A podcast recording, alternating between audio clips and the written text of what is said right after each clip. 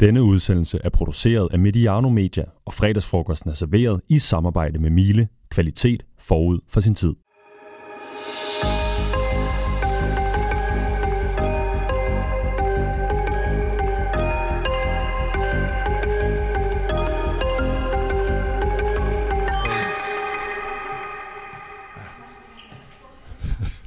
Okay, lad os prøve.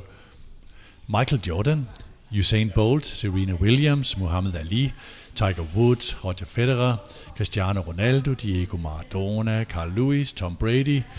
Ja, sæt selv navn på. Uh, I dag skal vi gabe over ikke bare Mikkels gourmetmad, men sportens allerstørste spørgsmål. Hvem har været den største atlet i vores historie? Ikke sådan i historien i det hele taget, men i vores historie. Ikke bare fodbold i dag. Ikke Messi og Ronaldo, ikke Pelé eller Maradona, ikke Cruyff eller Beckenbauer, nej, den største af dem alle på tværs af idrætsgrenene. Sebastian Stanbury, hvor svær har den opgave været? Den har været meget svær, men ikke af den årsag, jeg troede, den ville være svær på grund af. Jeg, jeg troede, der ville simpelthen være for mange for mig. Det går op for mig, at, øh, men det gik op for mig undervejs, at jeg har simpelthen set for meget fodbold gennem årene. Så det var svært ligesom at finde andre sportsgrene, hvor jeg har været så følelsesmæssigt investeret at jeg kunne pege på nogen, der har betydet sådan meget for mig på et følelsesmæssigt niveau. Jeg har elsker sport og øh, er vild med sportshistorie også og sådan noget, men det der med sådan, og, at de decideret er blevet sådan forbilleder for mig, som jeg kan mærke noget hjerte med, dem har der ikke været så mange af. Så din liste er boldtung? Nej, det er det ikke, for jeg, har, jeg har fravalgt bolden. Du har simpelthen fravalgt Ja. Okay, interessant. Og jeg skal lige sige, inden vi går videre, at øh, vi sidder her i et butikslokale, og derfor kan man allerede nu høre, øh, høre sådan lidt, øh, lidt snak i baggrunden, og det er helt naturligt, øh, håber vi. Men øh, jeg forklarer lidt om det se- senere. Jeg skal sige, at opgaven har været, at vi hver især må have tre atleter med. Vi skal også have en kvinde med, øh, som den største kvindelige atlet, vores valg. Skal vi ikke sige noget om endnu, men Kenneth, nu, starter, jeg- nu går jeg lige over til dig. Hvad har det været for dig været? Jamen lidt det samme som Sebastian. Øh, men jeg har også valgt at gå udenom den bold, som øh, vi ellers ynder at tale om. Det tror jeg egentlig var en del af opgaven også. Men øh, jeg har faktisk rigtig mange øh, andre sportsstjerner fra min ungdom, hvor det mere har været i nyere tid, efter jeg har arbejdet med det, også efter jeg har fået børn, hvor jeg så har skåret helt ind til benet, så er det primært fodbold, jeg ser. Så jeg har faktisk ret mange fra min barndom og ungdom, som der også har med andet end fodbold at gøre. Det er vel naturligt, er det ikke det? Jo, det tror jeg. Ja. I har også op til den her opgave været lidt forvirret at sige, hvad er det med de der mænd og kvinder, og hvad skal det være i forhold til sådan et objektivt historisk kriterie, eller skal det være vores egne og sådan noget? Er I, er I landet på det? Subjektivt og sjovt, synes jeg. Intentionen øh, med det her, for at lægge nogle kriterier ud, det er, at vi også diskuterer kvindelige atleter. Der er ikke nogen, der skal vælge mellem den største mand og den største kvinde i sådan øh, sportslig øh, henseende. Som udgangspunkt skal vi have den første, eller den, øh, altså en største kvindelige atlet og en største mandlige atlet, og så tre i alt. Men jeg køber den også, hvis I har tre mænd plus, plus en kvinde, eller tre kvinder plus en mand. Formålet er at tale om atleter, der har ramt og rørt os. Karsten Krog, du er den største sportselsker, jeg kender. Du elsker fodbold, som I elsker virkelig, virkelig højt. Men du elsker, tror jeg næsten, tennis og golf endnu højere. Hvordan har du grebet opgaven ind? Uden at afsløre navnet. Jamen først vil jeg sige tak til, at jeg er den største sportselsker, du kender. Det synes jeg slet ikke selv, jeg er. Altså, jeg går faktisk mere op i film, end jeg går op i, i sport. Vil jeg elsker du godt nok film. Der er, Ja. meget, der er meget kærlighed i Karsten. Nå, nå, men altså, men, men nu arbejder jeg jo med sport og med fodbold, og så bruger jeg jo rigtig meget tid på det, men ellers så tror jeg, jeg vil bruge mere tid på, på film sådan generelt. Okay. Nå, det, øh, det, kan, det, det kan være, der kommer en, øh, den største film i historien. Det kan også blive til en Fik jeg dejlig udsendelse. ødelagt uh, resten af, hvad du vil med det der. Fuldstændig. Thomas Pønt, øh, hvilke kriterier har du benyttet? Jamen også det her med øh, atleter, som har, som har grebet mig, imponeret mig, og det kan være over et, et, et langt stræk, og det kan være en, en specifik begivenhed, en specifik konkurrence. Og jeg sad hjemme på kontoret og kiggede mig lidt omkring og overvejede, hvem skulle jeg tage? Og så kunne jeg se, Som at jeg har, plakater på væggen, eller? ja, lige præcis. Jeg har, så tænkte jeg, jeg har jo egentlig tre plakater hængende her som med, med atleter. Så jeg snuppede to af dem. Okay, det er en god teaser der. Så har vi yngste mand, Jonas Hebo. Du har ikke så mange bolde at holde styr på i forhold til din alder, øh, i forhold til hvor mange du har været igennem. Nej, jeg er, jeg er lidt presset på den her, må Er jeg det? sige. Ja, det synes så jeg. ung er du altså Øh, heller ikke. Nej, ikke i forhold til alder, men i forhold til andre sportsgrene. Der er, øh, der er fodbold, og ikke andet end fodbold, men øh, jeg kan tænke hammerne godt lide at blive øh, inspireret, og, og så, så jeg er nok op på, du ved, den, noget, der minder om den helt store klinge, men mange af dem er faktisk danske. Altså det her med at, at være inspireret af nogle danskere, der kan præge den internationale scene, det er, det er sådan nok det, der fylder mest for mig ud over den normale fodbold. Det lyder også spændende, det glæder jeg mig til at høre om. Velkommen til fredagsfrokosten, og det er udgave nummer 42. Mille er fra med det her efterår en ny partner på fredagsfrokosten. Konceptet er stadig, at vi snakker, ja, normalt er det fodbold, i dag er det så sport, mens der bliver lavet mad i køkkenet.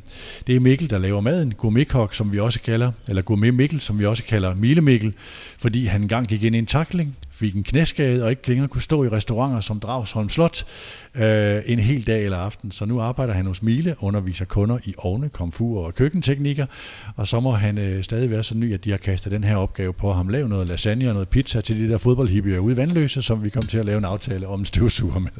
Så har du Dragsholm, Mikkel. Øh, nogle del af det er, altså der er jo det her rush, når alting kører i et køkken, det er altid meget sjovt, men øh, jeg synes også øh, lige det værd at nævne, at jeg synes, du oversælger min skade en lille smule. Det var slet ikke så heroisk, som at det var en takling. Det var desværre en, En soloulykke. So, en soloulykke. og jeg har faktisk udlagt øh, begge knæ på øh, to soloulykker, og så tror jeg, vi lader den ligge der. Det var en skarp dribling i lavt tyngdepunkt. Ja, helt klart. Ja, Ja. okay. Vil du, eller skal vi lade Kenneth eller Hebo lave optakten til det, der sker i morgen? Den skal Hebo næsten have. Er det Hebo? Der er en eller anden fodboldkamp i morgen.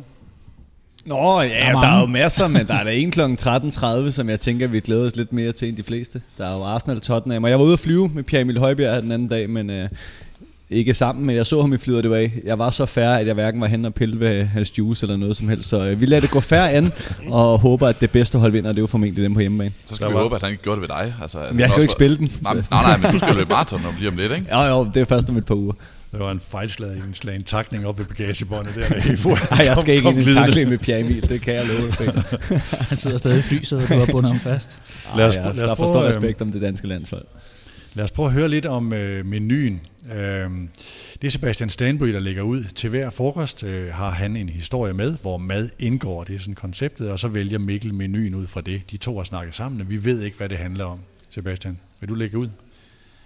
Der er jo OB-OB i aften. Og det er Erik Hamrens første kamp tilbage i Aarhus, efter han vendte tilbage. Og hvis der er to ting, man husker Erik Hamrens første tid i Aalborg for, så er det, hvor velklædt han var, og hans havregrød. Det der med, at OB'erne de fik havregrød, da han, øh, da han kom til, så skulle de begynde at have havregrød. Og historien er jo, at det siges, at han en morgen, da han lige kom til Aalborg, så står han ude på træningsanlægget på Hornevej, øh, sammen med Lønge Jacobsen, og så kommer der to, en bil kørende med to unge OB'ere, og så stiger de ud, og så ligner de simpelthen nogen, der ikke er vågne endnu. Og så øh, Hamren, han brokker sig til Lønge og siger, altså, jeg skal bruge dem der om en halv time. De skal ud og yde deres bedste for mig ude på træningsbanen. Tror du, de har spist noget god morgenmad? Og øh, derfor dikterer han ligesom, at han vil have, at hans OB'er skal spise i klubhuset, inden, spise morgenmad inden træningsstart. Og Lønge, som han siger, det bryder han sig ikke om, fordi som Lønge siger, det koster jo penge. Men Hamren, han insisterer og siger endda, at hvis det, er, hvis det er det, der skal til, så skal han nok selv lave det. Og så bliver det sådan, at i hverdagen, så er det øh, deres øh, kantinedame, der laver havregrød til OB-spillerne. I weekenden, hvor hun er fri, så er det Erik Hamren og, øh, og hvad han hedder, øh, øh, Allan Kuhn, som er den træner, der står og rører i gryden ude og, og, laver, og laver havregrød. Og altså, der er jo mere til det her. Der er jo også det der med, at der er noget, der hedder fedteholdet, øh, som hvis de har en fedtprocent på, jeg tror det er over 10, så, må, så skal de mødes før træningen og cykle, og de må ikke... øh, Ingen, Fedtehold, ingen smørklat. Nej, der, det er der slet ikke til nogen af dem. Fedteholdet må ikke tage elevator, når de er på hotel og sådan noget. De skal tage trapperne og sådan noget. Og den her havregrød bliver jo famøs, og øh, Lønge Jacobsen har fortalt, at Stefan Schmidt, han er ved at kaste op, da den bliver indført. Han kan slet ikke spise det. Kasper Risgaard har fortalt, at han spiser stadigvæk nødigt havregrød, fordi de fik simpelthen så meget af det. Men det virker jo, fordi AB vandt guld i 2008. Problemet, det er, at her Ren, han har faktisk fortalt sin øh, havregrøds opskrift på et tidspunkt. Og den lyder i al sin enkelhed. 1 dl havregryn, 2 dl vand, skorstræk mælk, put den i mikroovnen, 2 minutter, det er lettest. Og det, Det, synes jeg det er også simpelthen... den, vi benytter derhjemme. Ja, og det synes jeg simpelthen ikke er øh, Mester Mile Mikkel værdigt. Så, så jeg har givet ham øh, frit slag, hvad angår konceptet grød. Det er jo en fantastisk historie. Er jeg den eneste, der sidder og kigger over på Mikkel, der står og børster svampe? Du kan ikke se havregrød i det Nej, der. jeg kan simpelthen ikke se, hvordan fanden bliver det der til havregrød. Nej, jeg kan da se en svamperisotto, det kan jeg da. Mikkel, må vi lige høre? Hvad bliver det til? Ja, men det, Hebo har ret. Vi skal have en svamperisotto. Og, Godt skudt, øh, Hebo. Og det, det bliver på ingen måde øh, lige så simpelt som, øh, som ham, hamrens øh, øh, havregrød. Øh, og det bliver heller ikke lige så fedtfattigt, øh, tør jeg godt Yes. yes. Der er både parmesan og smør på, øh, på bordet i dag. Så øh, ja, glæder jeg. Det, det gør vi i høj grad. Vi vil løbende kommentere udviklingen i køkkenet, øh, så lytterne kan følge lidt med. Øh, vi prøvede sidste gang, da vi var i Aarhus og optage der på Lille Torv, også at få maden serveret under udsendelsen. Vi har ikke fået klager over smaskelyde. Vi prøvede sådan, at det skulle blive... Okay, det var, det var lidt overraskende. Mikkel han var klar til, til, til maden, eller også var det bare os, der var helt vildt langsomme om at snakke. Men, øh, men der kom pizzaen, og vi begyndte at spise den under udsendelsen, og det kan også godt være, at vi ender der i dag, fordi der er seks der har meget på hjerte omkring de her, det, det her emne, og de skal vælge en masse atleter, altså det kan godt komme til at tage lidt tid. Vi sidder som sagt også midt i det her øh, altså butik showroom, så der er lyde, når, øh, når Jeppe eller andre demonstrerer støvsuger eller ovne og skal prøve den her 8 ovn. Her kan du høre lidt om, hvad Mile og vores samarbejde står for.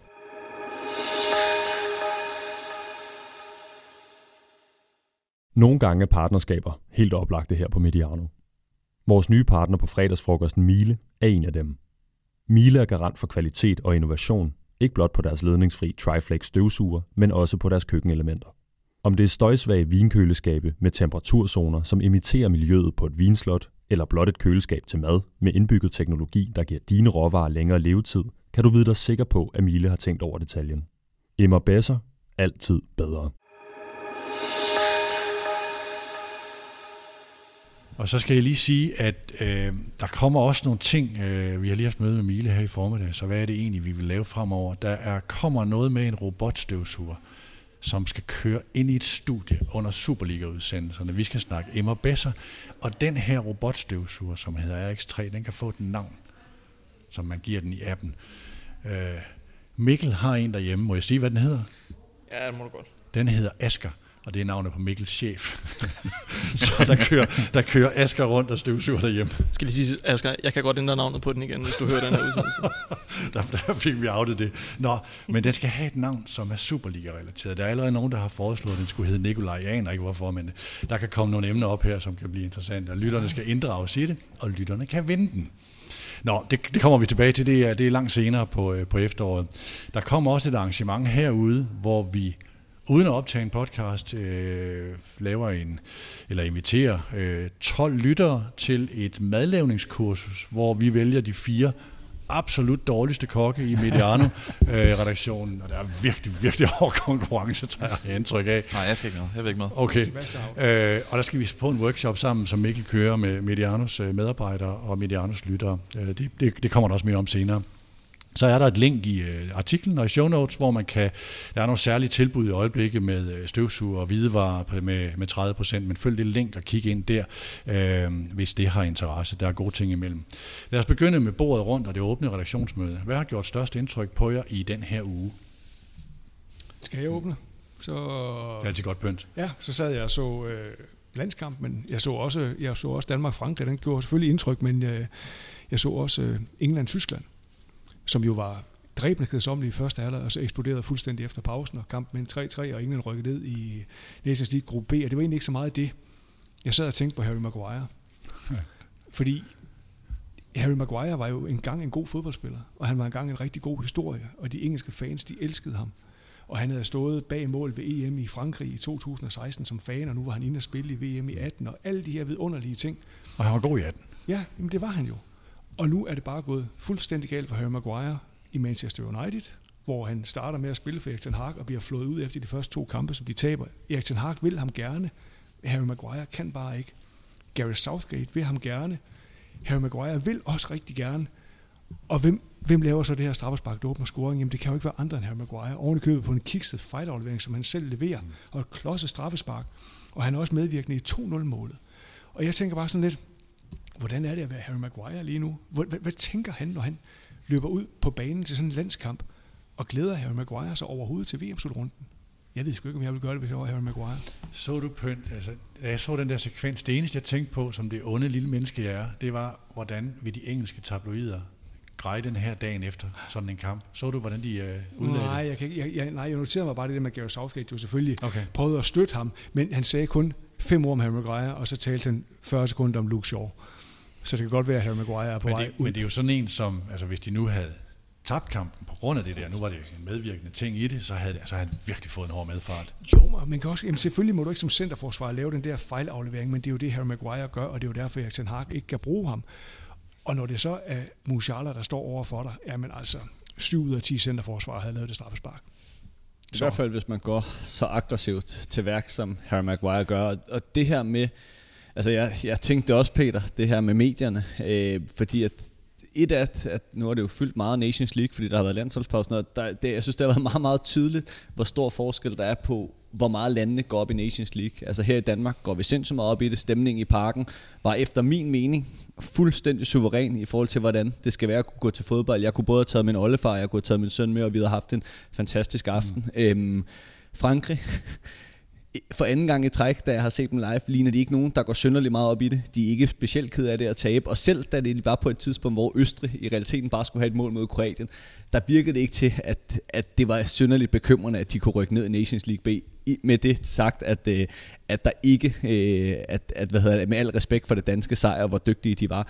Og så jeg, så, jeg var jo så over i England og set den her kamp, øh, og jeg, og jeg tænkte virkelig meget på, hvordan reaktionerne ville være, fordi alle aviser på vej over, alle internetsider, det handlede om, at England var rykket ned. Og så tænkte jeg, hvordan må det var inde på stadion, ikke? Og der var jo bare, altså der, i øvrigt blev der lige buet af Harry Maguire ved første gang hans navn kom, anden gang gjorde der faktisk ikke.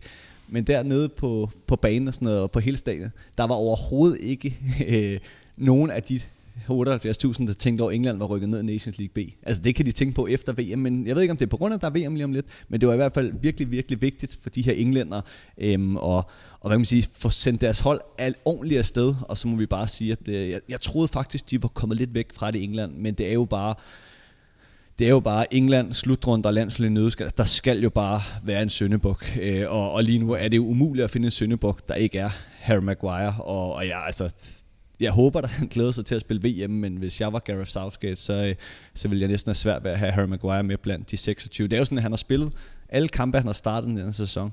Dem har han tabt. Ja, det er vildt. Nu spiller han så lige uafgjort her, her for England, ikke? men alle kampe har han simpelthen tabt. Ja. Øh, I øvrigt er det vist noget med, at ham, der har nummer syv, er lidt det samme. Men øh, de andre fra Manchester United vinder jo. Hvordan har I det med Nations League generelt? Altså det der med, at man så, at Frankrig var tæt på at rykke ned, England gjorde det. Altså vi var på helt på røven over Nations League i den første sæson, men er det begyndt at aftale lidt i forhold til prestige, og hvor seriøst nogle af de der store nationer tager det? Jeg tror igen, det kommer meget ind på landene. Altså, øh, i Kroatien lagde vi ikke rigtig mærke til andet, end at Luka Modric var på banen. Det var lidt lige om det var VM, EM, eller hvad de havde spillet træningskamp, fordi det alt bare handlede om ham. Men jeg tror, det blev devalueret lidt dengang, hvor Tyskland rykkede ned. Fordi der var jo kun 12 hold, og så blev det lavet om til 16, for vi kunne ikke have, at de der store lande rykkede ned. Kan vide om Nations League næste gang er med 24. Der er, det, det, altså, men det er jo ikke helt urealistisk, fordi det bliver jo sådan, at øh, formentlig, der mangler lidt en endelig bekræft- bekræftelse, men næste Nations League, som jo først er efter øh, EM i 24, øh, det vil sige 24-25 Nations League, der kommer de sydamerikanske hold jo med. Altså, jeg synes kun, det er fedt, at de store rykker ned. Ja, for mig er det ikke en devaluering. Men, Hvad så med, Altså, nej, men hvad tænker du med, at de sydamerikanske hold kommer med? De skal jo, kampen skal spilles i Europa. Der mangler lige den endelige bekræftelse, men det bliver jo sådan, at jeg mener, at det er de seks bedste sydamerikanske, der kommer op i A, og så bliver de to i B, og så to i C.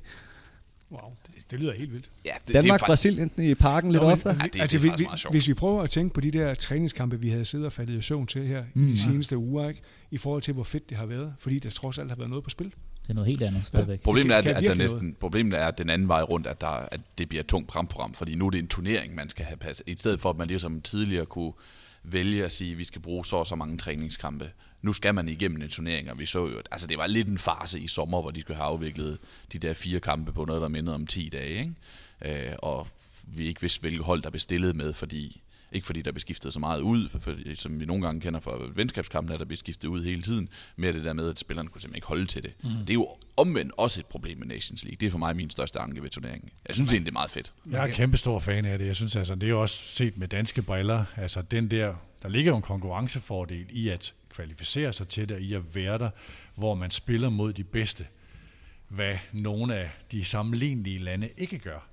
Og dermed opnår man øh, altså en, øh, simpelthen en bedre matchning. Jeg ved godt, at de her spillere bliver matchet i hverdagen, men, men når holdet skal lære at præstere, det har været, hvad skal man sige, et af julemands projekter, det er at kunne lære det hold ikke bare at præstere mod de næstbedste, men præstere mod de bedste, og øve sig på at sige, hvor tæt kommer vi på Frankrig, Belgien, England igennem de kampe, men blandt andet har haft i Nations League. Derfor synes jeg, det er, det er enormt fedt. De, de bliver ofte så udskilt, og vi, vi har alt muligt grund til at være kritiske over for specielt FIFA, men også UEFA omkring mange af tingene, men Nations League, Conference League, Europa League, hvor, hvor sure vi end er, det er succeser. Jeg tror, som jeg læser kampkalenderen, så bliver foråret 2024, nu er jeg godt klar over, at vi er lidt langt fremme, men øh, der skal jo spilles venskabskampe. Fordi at der er jo ikke Nations League der, øh, og det er jo op til EM. Så der tror jeg, at det der med, at så kommer de tilbage, de der kampe, det kan også være, der kommer nogle lidt, men så lægger vi nok mærke til, det du er inde på, Peter, hvor stor, hvor stor forskel der er, når det lige pludselig er i grund og grund, man kan gøre, hvad der passer sig med kamp. Men synes også, de venskabskampe op til en slutrunde har også mere værdi, fordi så parer du oftest med et hold, som du skal møde i slutrunde og, og forsøge at forberede dig på den modstander. Ja, men du møder Honduras, måske... så kan det være farligt ude på Brøndby Stadion, for der kan du miste godt nok mange spillere. Nej, det ved jeg. Ja, kan du ikke huske den kamp ude på Brøndby Stadion? Jo, jo, jo. Hvor de prøvede at udlægge Der skulle bare alle, alle mand til overleve. Det var formålet til sidst. Ja, det var Honduras, ikke? Ja. Det var en af de vildeste voldskampe, jeg har set. Det gik, og det gjorde de også under VM-slutrunden. Ja, de spillede på samme måde. Sindssygt, mand. Der var nogle englænder, der også var ked af det. Andet på, der har gjort indtryk i ugen, Ja, øh, jeg var til øh, generalforsamling i Danske, ekstraordinær generalforsamling i, i foreningen Danske Sportsjournalister onsdag, onsdag, aften, øh, onsdag eftermiddag. Øh, med det form, for, øh, diskussionen var, at grunden til den ekstraordinære generalforsamling var, at vi skulle stemme om, hvorvidt vi øh, danske sportsjournalister skulle melde sig ud af den internationale union af danske sportsjournalister, AIPS. Fordi det internationale sportsforbund, øh, AIPS, har et, øh, et meget tæt samarbejde med Katar. Helt konkret så er der en afstemning om nogle, øh, nogle priser, altså en, en, en, en, nogle, nogle sportsjournalistpriser, som bliver afholdt i samarbejde med Katar. Og, øh, og den her prisuddeling skulle også foregå, eller foregik ned i Katar. Og der var mange, der mente, at det var så gralt, at det, at det skulle, øh, at det skulle til afstemning, hvorvidt det var noget, som danske sportsjournalister ville være en del af. Og for mig var det sådan lidt øh, hele VM-debatten i et miniformat, hvor man diskuterede, at det her er noget, vi ikke vil stå model til, og vi skal simpelthen sige, nu går vi, eller bliver man og tager, tager kampen op og, og protesterer indenfra. Og det endte med, at danske sportslister med et snævert, at faktisk var der flertal for, at man skulle melde sig ud, men eftersom det var en vedtægtsændring i så fald, så skulle der være to tredjedels flertal, og det var der ikke på den her øh, jo det ikke særlig godt besøgte generalforsamling. Nej, så dansk... der, var ikke, der var ikke mange, der mødte op. Nej, vi var, vi var 11, øh, 13, og så var der ni fuldmagter af en, af en forening med, med 400 medlemmer. Men debatten var rigtig god. Altså, der var en interessant debat om at sige... Hvad, hvad stemte du, må vi spørge om det? Jeg stemte for, at vi skulle melde os ud. Ja, og fordi, hvorfor blev det ikke sådan? Det forstår jeg simpelthen ikke. Og jeg burde selvfølgelig have mødt op, jeg var der ikke. Nej, men det tror jeg var, fordi der var... Altså, mit, vi kan sige, mit argument var, at når man når man arrangerer journalistpriser, giver priser for den bedste sportsjournalist i samarbejde med et land, hvor der ikke er pressefrihed, så bliver det så absurd for mig, at det synes, det, det synes jeg er for åndssvagt. Mm. Og lige præcis Katar, som fylder så meget i sportsjournalistikken, og har gjort det i de seneste år, øh, så synes, det synes jeg, man skulle melde fra til. Men mange andre mente, at det var forkert. Man burde i stedet for tage ned, demonstrere eller øh, tale på talerstolen til kongresserne, øh, vælge de rigtige folk til at stå i spidsen for det her og påvirke det indenfra. Mm. Der er nogle øh, af min analyse nogle, nogle ældre herrer, som, for hvem, som forbinder det der med at være en del, altså har et tæt samarbejde med AIPS, og det fylder noget, og har fyldt noget i mange år, og et internationalt samarbejde fylder noget, og det vil man ikke have, at man melder sig ud af. Det er jo ikke som sådan, at man negligerede øh, koblingen Katar til Katar. Det var mere, at man ikke synes, at man skulle melde sig ud af det internationale det samarbejde. Vil, det vil koste en knappenål i reversen.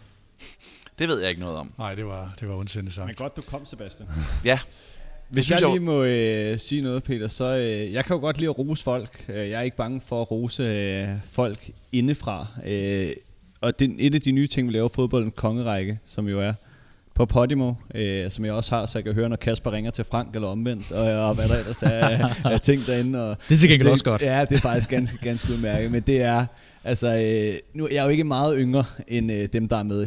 Jeg er lidt, lidt yngre end Sebastian, og lige lidt yngre end dig også, Kenneth. Øh, men sådan, når, når jeg hører det, så tænker jeg, at der skulle jeg lige have været... Øh, altså det er sådan et program, man gerne ville have været med i, hvis lige var 10-15 år ældre. Altså jeg tænker sådan... Som paneldeltager eller som konge? Øh, begge dele. det havde været helt suverænt, hvis det var som konge. Men det kan godt være, jeg var lidt langt nede. Øh, men øh, nej, jeg tænker med det der med, at nogle gange hører man jo bare podcast, også fra andre end Mediano, man tænker, der vil jeg gerne have været med, fordi det er sindssygt interessant. Det er godt, det de snakker om. Og der har jeg tænkt samtidig med, at øh, der vil jeg virkelig gerne være med, men jeg vil være for ung til det. Altså jeg vil vide for lidt om nogle af dem. Øh, jeg kunne nok godt have hjulpet dem den dag, de skulle snakke om Dennis Bergkamp, både i forhold til, hvordan øh, de udtaler hans navn og nogle andre ting. Men jeg synes, det er et, øh, jeg synes, det er et øh, suverænt program.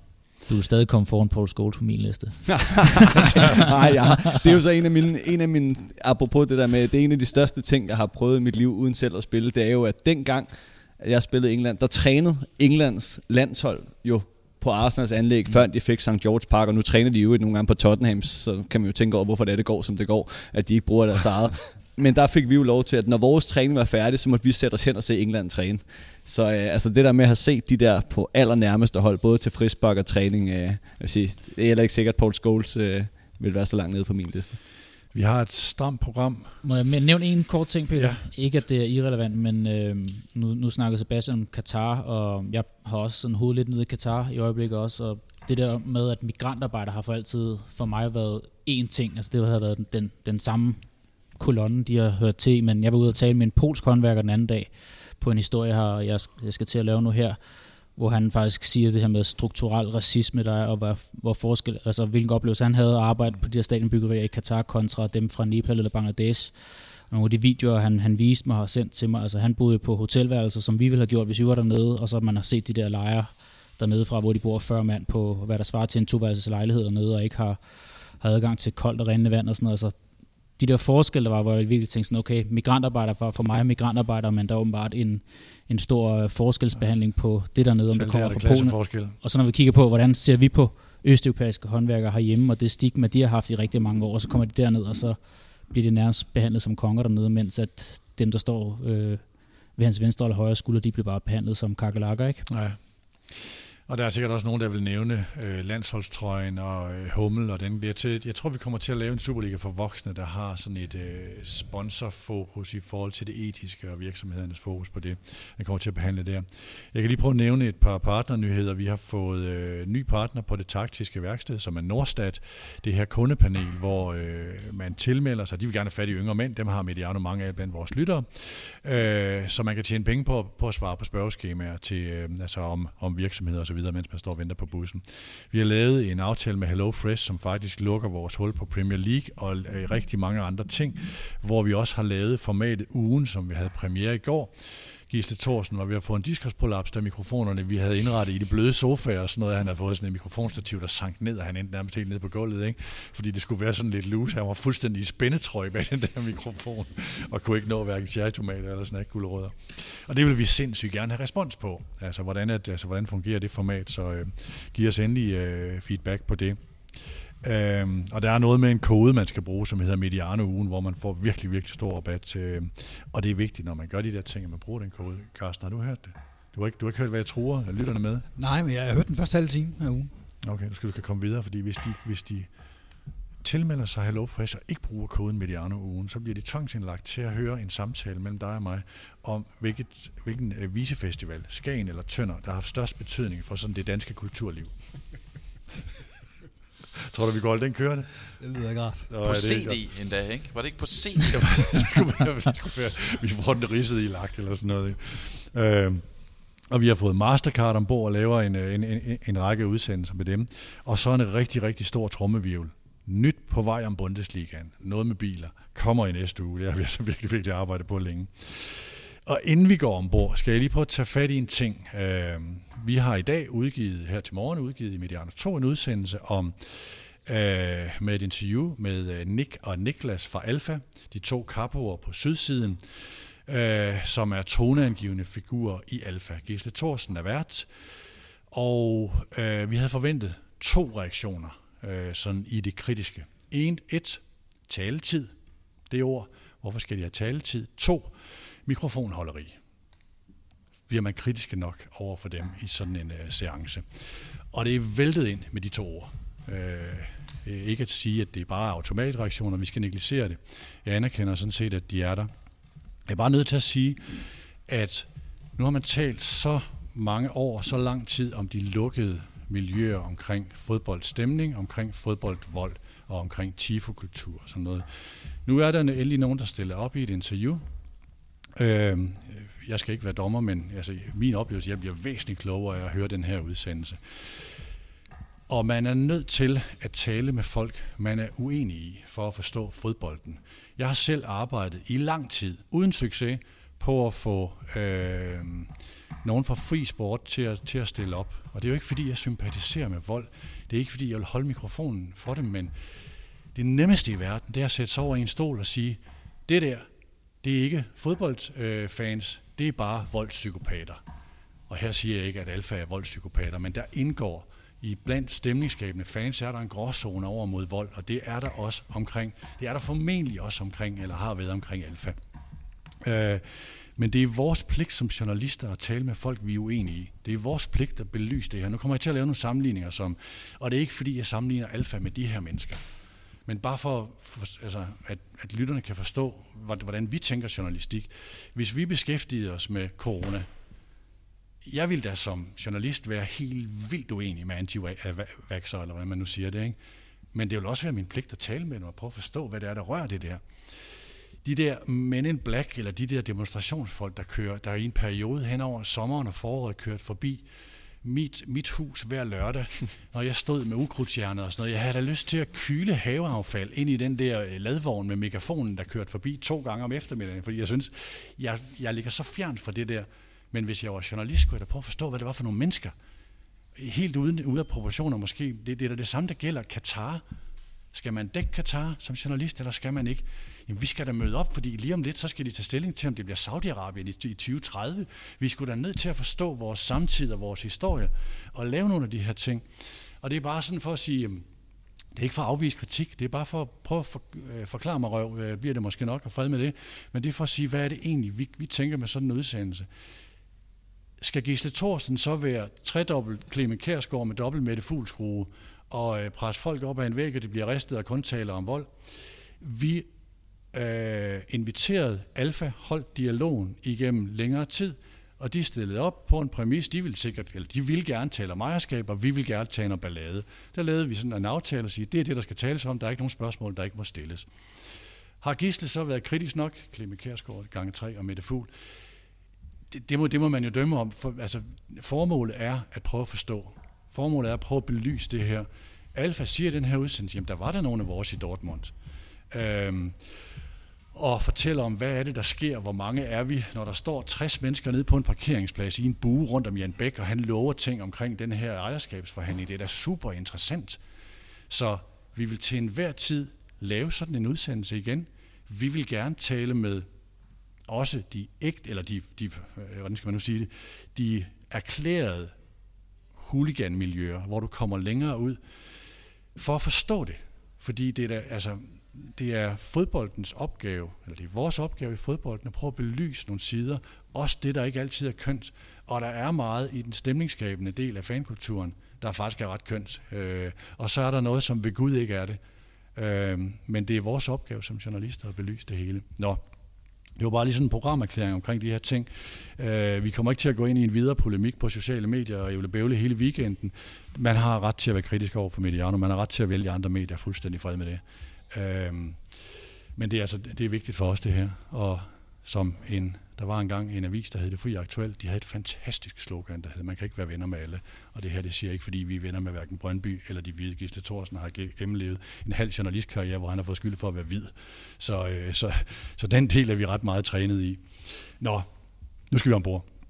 Vi kommer ikke udenom det. Den måske sværeste opgave i fredagsfrokostens historie. Sværere end Hebo og Løgne.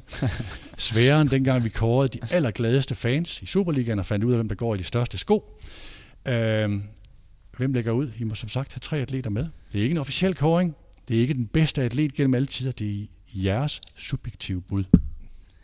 Nå. Hvem tør at lægge ud? En hver af gangen, eller skal vi tage alle tre navne, eller hvordan gør vi det? Jeg kunne godt tænke mig, at hvis du starter, Kenneth, nu, ja. du, nu har du fået ordet, og værsgo, øh, yes. øh, så, så argumenterer du for, hvem der er størst, og hvem du ellers har.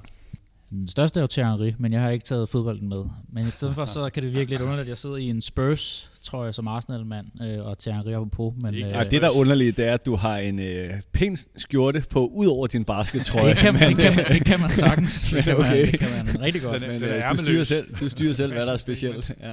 Jamen, jeg voksede jo op i, øh, i Gævninge, lidt uden for Roskilde, og der havde, vi, der havde vi sgu ikke så meget at tage os til, og der var ikke net i fodboldmålen derhjemme, så jeg fik både... Øh, et basketnet og en carport, jeg kunne spille tennis op af. Så to af mine tre navne, det kommer derfra. Et tennisnavn og et basketnavn. Og øh, derfor tog jeg min San Antonio Spurs trøje på i dag. Og det er fordi Tim Duncan, jeg ved ikke om det ringer en klokke hos nogen af jer. Der sidder, jeg sidder ved siden af to, øh, der også holder meget amerikansk sport også.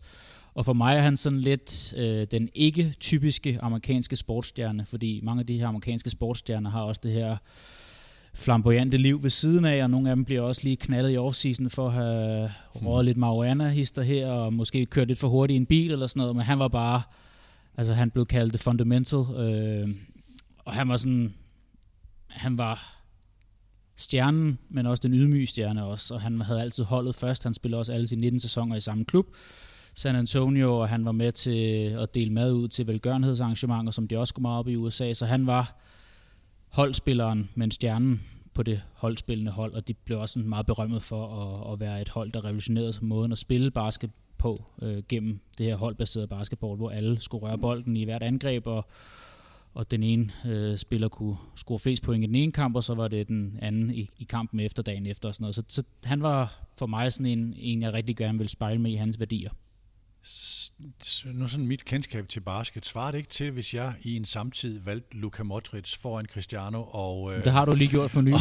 og, og Lionel Messi, og så siger man, han jo. er jo ikke objektivt den største, altså fordi, hvad vil sige, Magic og Mike Nej, Jordan men, og... men, men han er alligevel på de her objektive lister, som nogle af eksperterne laver på, hvor okay. han er på det der hold som den bedste power forward, som er hans position gennem tiden. Men han kom jo også som en stærk kontrast til øh, Lakers' Showtime med Magic Johnson, mm, og, okay. og det her med det meget øh, flamboyante, og ja, Showtime og sådan noget. Han var, han var det mindst Showtime, du nogensinde kunne finde. Fedt. Det var den største. Han er en af de største. Han er ikke din nummer et. Jeg vidste ikke, at jeg skulle lave en rangering. Jeg har bare fundet tre navne, som okay, har betydet meget for mig. Lad os, lad os prøve, så laver vi en kongerække til sidst. Ja. Ellers, flere navne. Pete Sampras. Åh, oh, fedt. Øhm, det kommer også med der, hvor at, ja, fodbolden kunne man se, men, men jeg havde også øh, Eurosport og alt muligt andet. Der blev vist en masse tennis på, og den tyske satellit der i midten af 90'erne. Jeg, jeg var nok mere Sampras end Agassi, og det er måske lidt, der falder tilbage på det samme med Pete Sampras, eller med, med Tim Duncan. Det, den knap så flamboyante, den lidt mere kedelige, og den øh, effektive frem for den flashy og sådan noget i, i den sammenligning, der var. Så mange af de samme ting gør sig egentlig gælde med nogle af de her ting, jeg lige sagt med, med Tim Duncan omkring Pete Sampras. Kommer der anerkendt en ikke for Krog her? Jamen, jeg lavede faktisk en, øh, jeg lavede en webside tilbage i 2001, eller sådan, jeg forklarede lige ud ved det på vej herude i bussen. Han griner lidt af mig, fordi øh, du ved, øh, hvor godt har det lige været. Men jeg, jeg var så kæmpe stor Pete Sampras-fan, at jeg lavede sådan en webside til, sådan, øh, til Pete Sampras' hyldest tilbage i 2001-2002. Den må jeg have været inde på. Det må jeg have været inde på. Måske, altså, og den blev bare lavet den blev bare lavet i sådan et øh, sådan et format, hvor man bare smider ind i sådan en øh, skabelon af en slags, ikke? så man kan jo ikke, jeg kan overhovedet ikke programmere eller noget som helst. Jeg tror også, det var derfor, Ludvig han griner lidt af mig. Man må gerne se den der... Er du sådan nogle tennisbold i animation, der kom ned bagerst ja, øh, på, på, på webpagen her? Ja, det var ikke stor kunst, det der. Men altså, jeg var faktisk inde og opdatere den hver eneste dag i, i et år eller to. Jeg, jeg var meget, meget stor fan af Pete Sampras, så jeg kunne jo slet ikke have dengang i slutningen af 90'erne, hvor en eller anden ligegyldig Schweizer slog ham ud og brød hans stime i Wimbledon. Men det viser sig, at det var, det var en meget dygtig tennisspiller trods alt, der slog ham ud. Men jeg kunne slet ikke være i min krop. Altså, jeg, jeg græd nærmest, da han røg ud af Wimbledon og fik brudt sin stime. Var han i gang med at vinde sin syvende i streg i Wimbledon, hvad var det, der blev brudt? Nej, det, det, han, det, den blev brudt op, den der øh, stime der. Han vandt fire, og så tabte han en, og så vandt han fire igen. Ja, okay. Eller noget, der. Ja. Jeg havde, spillet, jeg havde også på ham til at vinde uh, turneringen det år. Jamen, og, kan du huske året? Jeg, jeg har lyst til at sige, at det var 2000. Ja. Jeg er ikke sikker, men det er der omkring. Det var dengang, man kunne gå i kiosken. Ja, uden sine forældre, når man var på. Jamen, altså, mine naboer havde mig, fordi jeg spillede op i min fars carport. Øh, kørte carporten ned, og så en tennisbold og en tenniskasse stod jeg bare to og en halv time og ja. kommenterede. Øh, der begyndte kommentatorkarrieren allerede der med at kommentere, men han lige nåede Nej, bolden, endnu et mis. Altså, den der lyd, dung, dung, dung, dung. Det var om formiddagen, så blev det aftenmadstid, og så ud igen og så spille basket i, i to og en halv time og være Tim Duncan, så det var ikke sjovt. Den følte Undskyld til Kjell og mig, ja. I det mindste blev du rigtig god til både tennis og basket. Ja, ja, jeg har haft, øh, ja, jeg er blevet armsmester engang. I Gævninge. Og vandt 100 kroner og, og en træningstime med Kenneth Carlsen. Jo, lige nu en af de bedste dufte i hele verden foregår over i Mikkels køkken. Havregrød. Nej, duften af kantareller, der bliver stegt. Det, det bliver simpelthen ikke bedre. Åh, oh, det er skønt. Kenneth, vi skal have en træer. Ja. Ikke en tredje plads, men din, din, din tredje atlet. Jamen, øh, det er Camilla Martin. Fedt.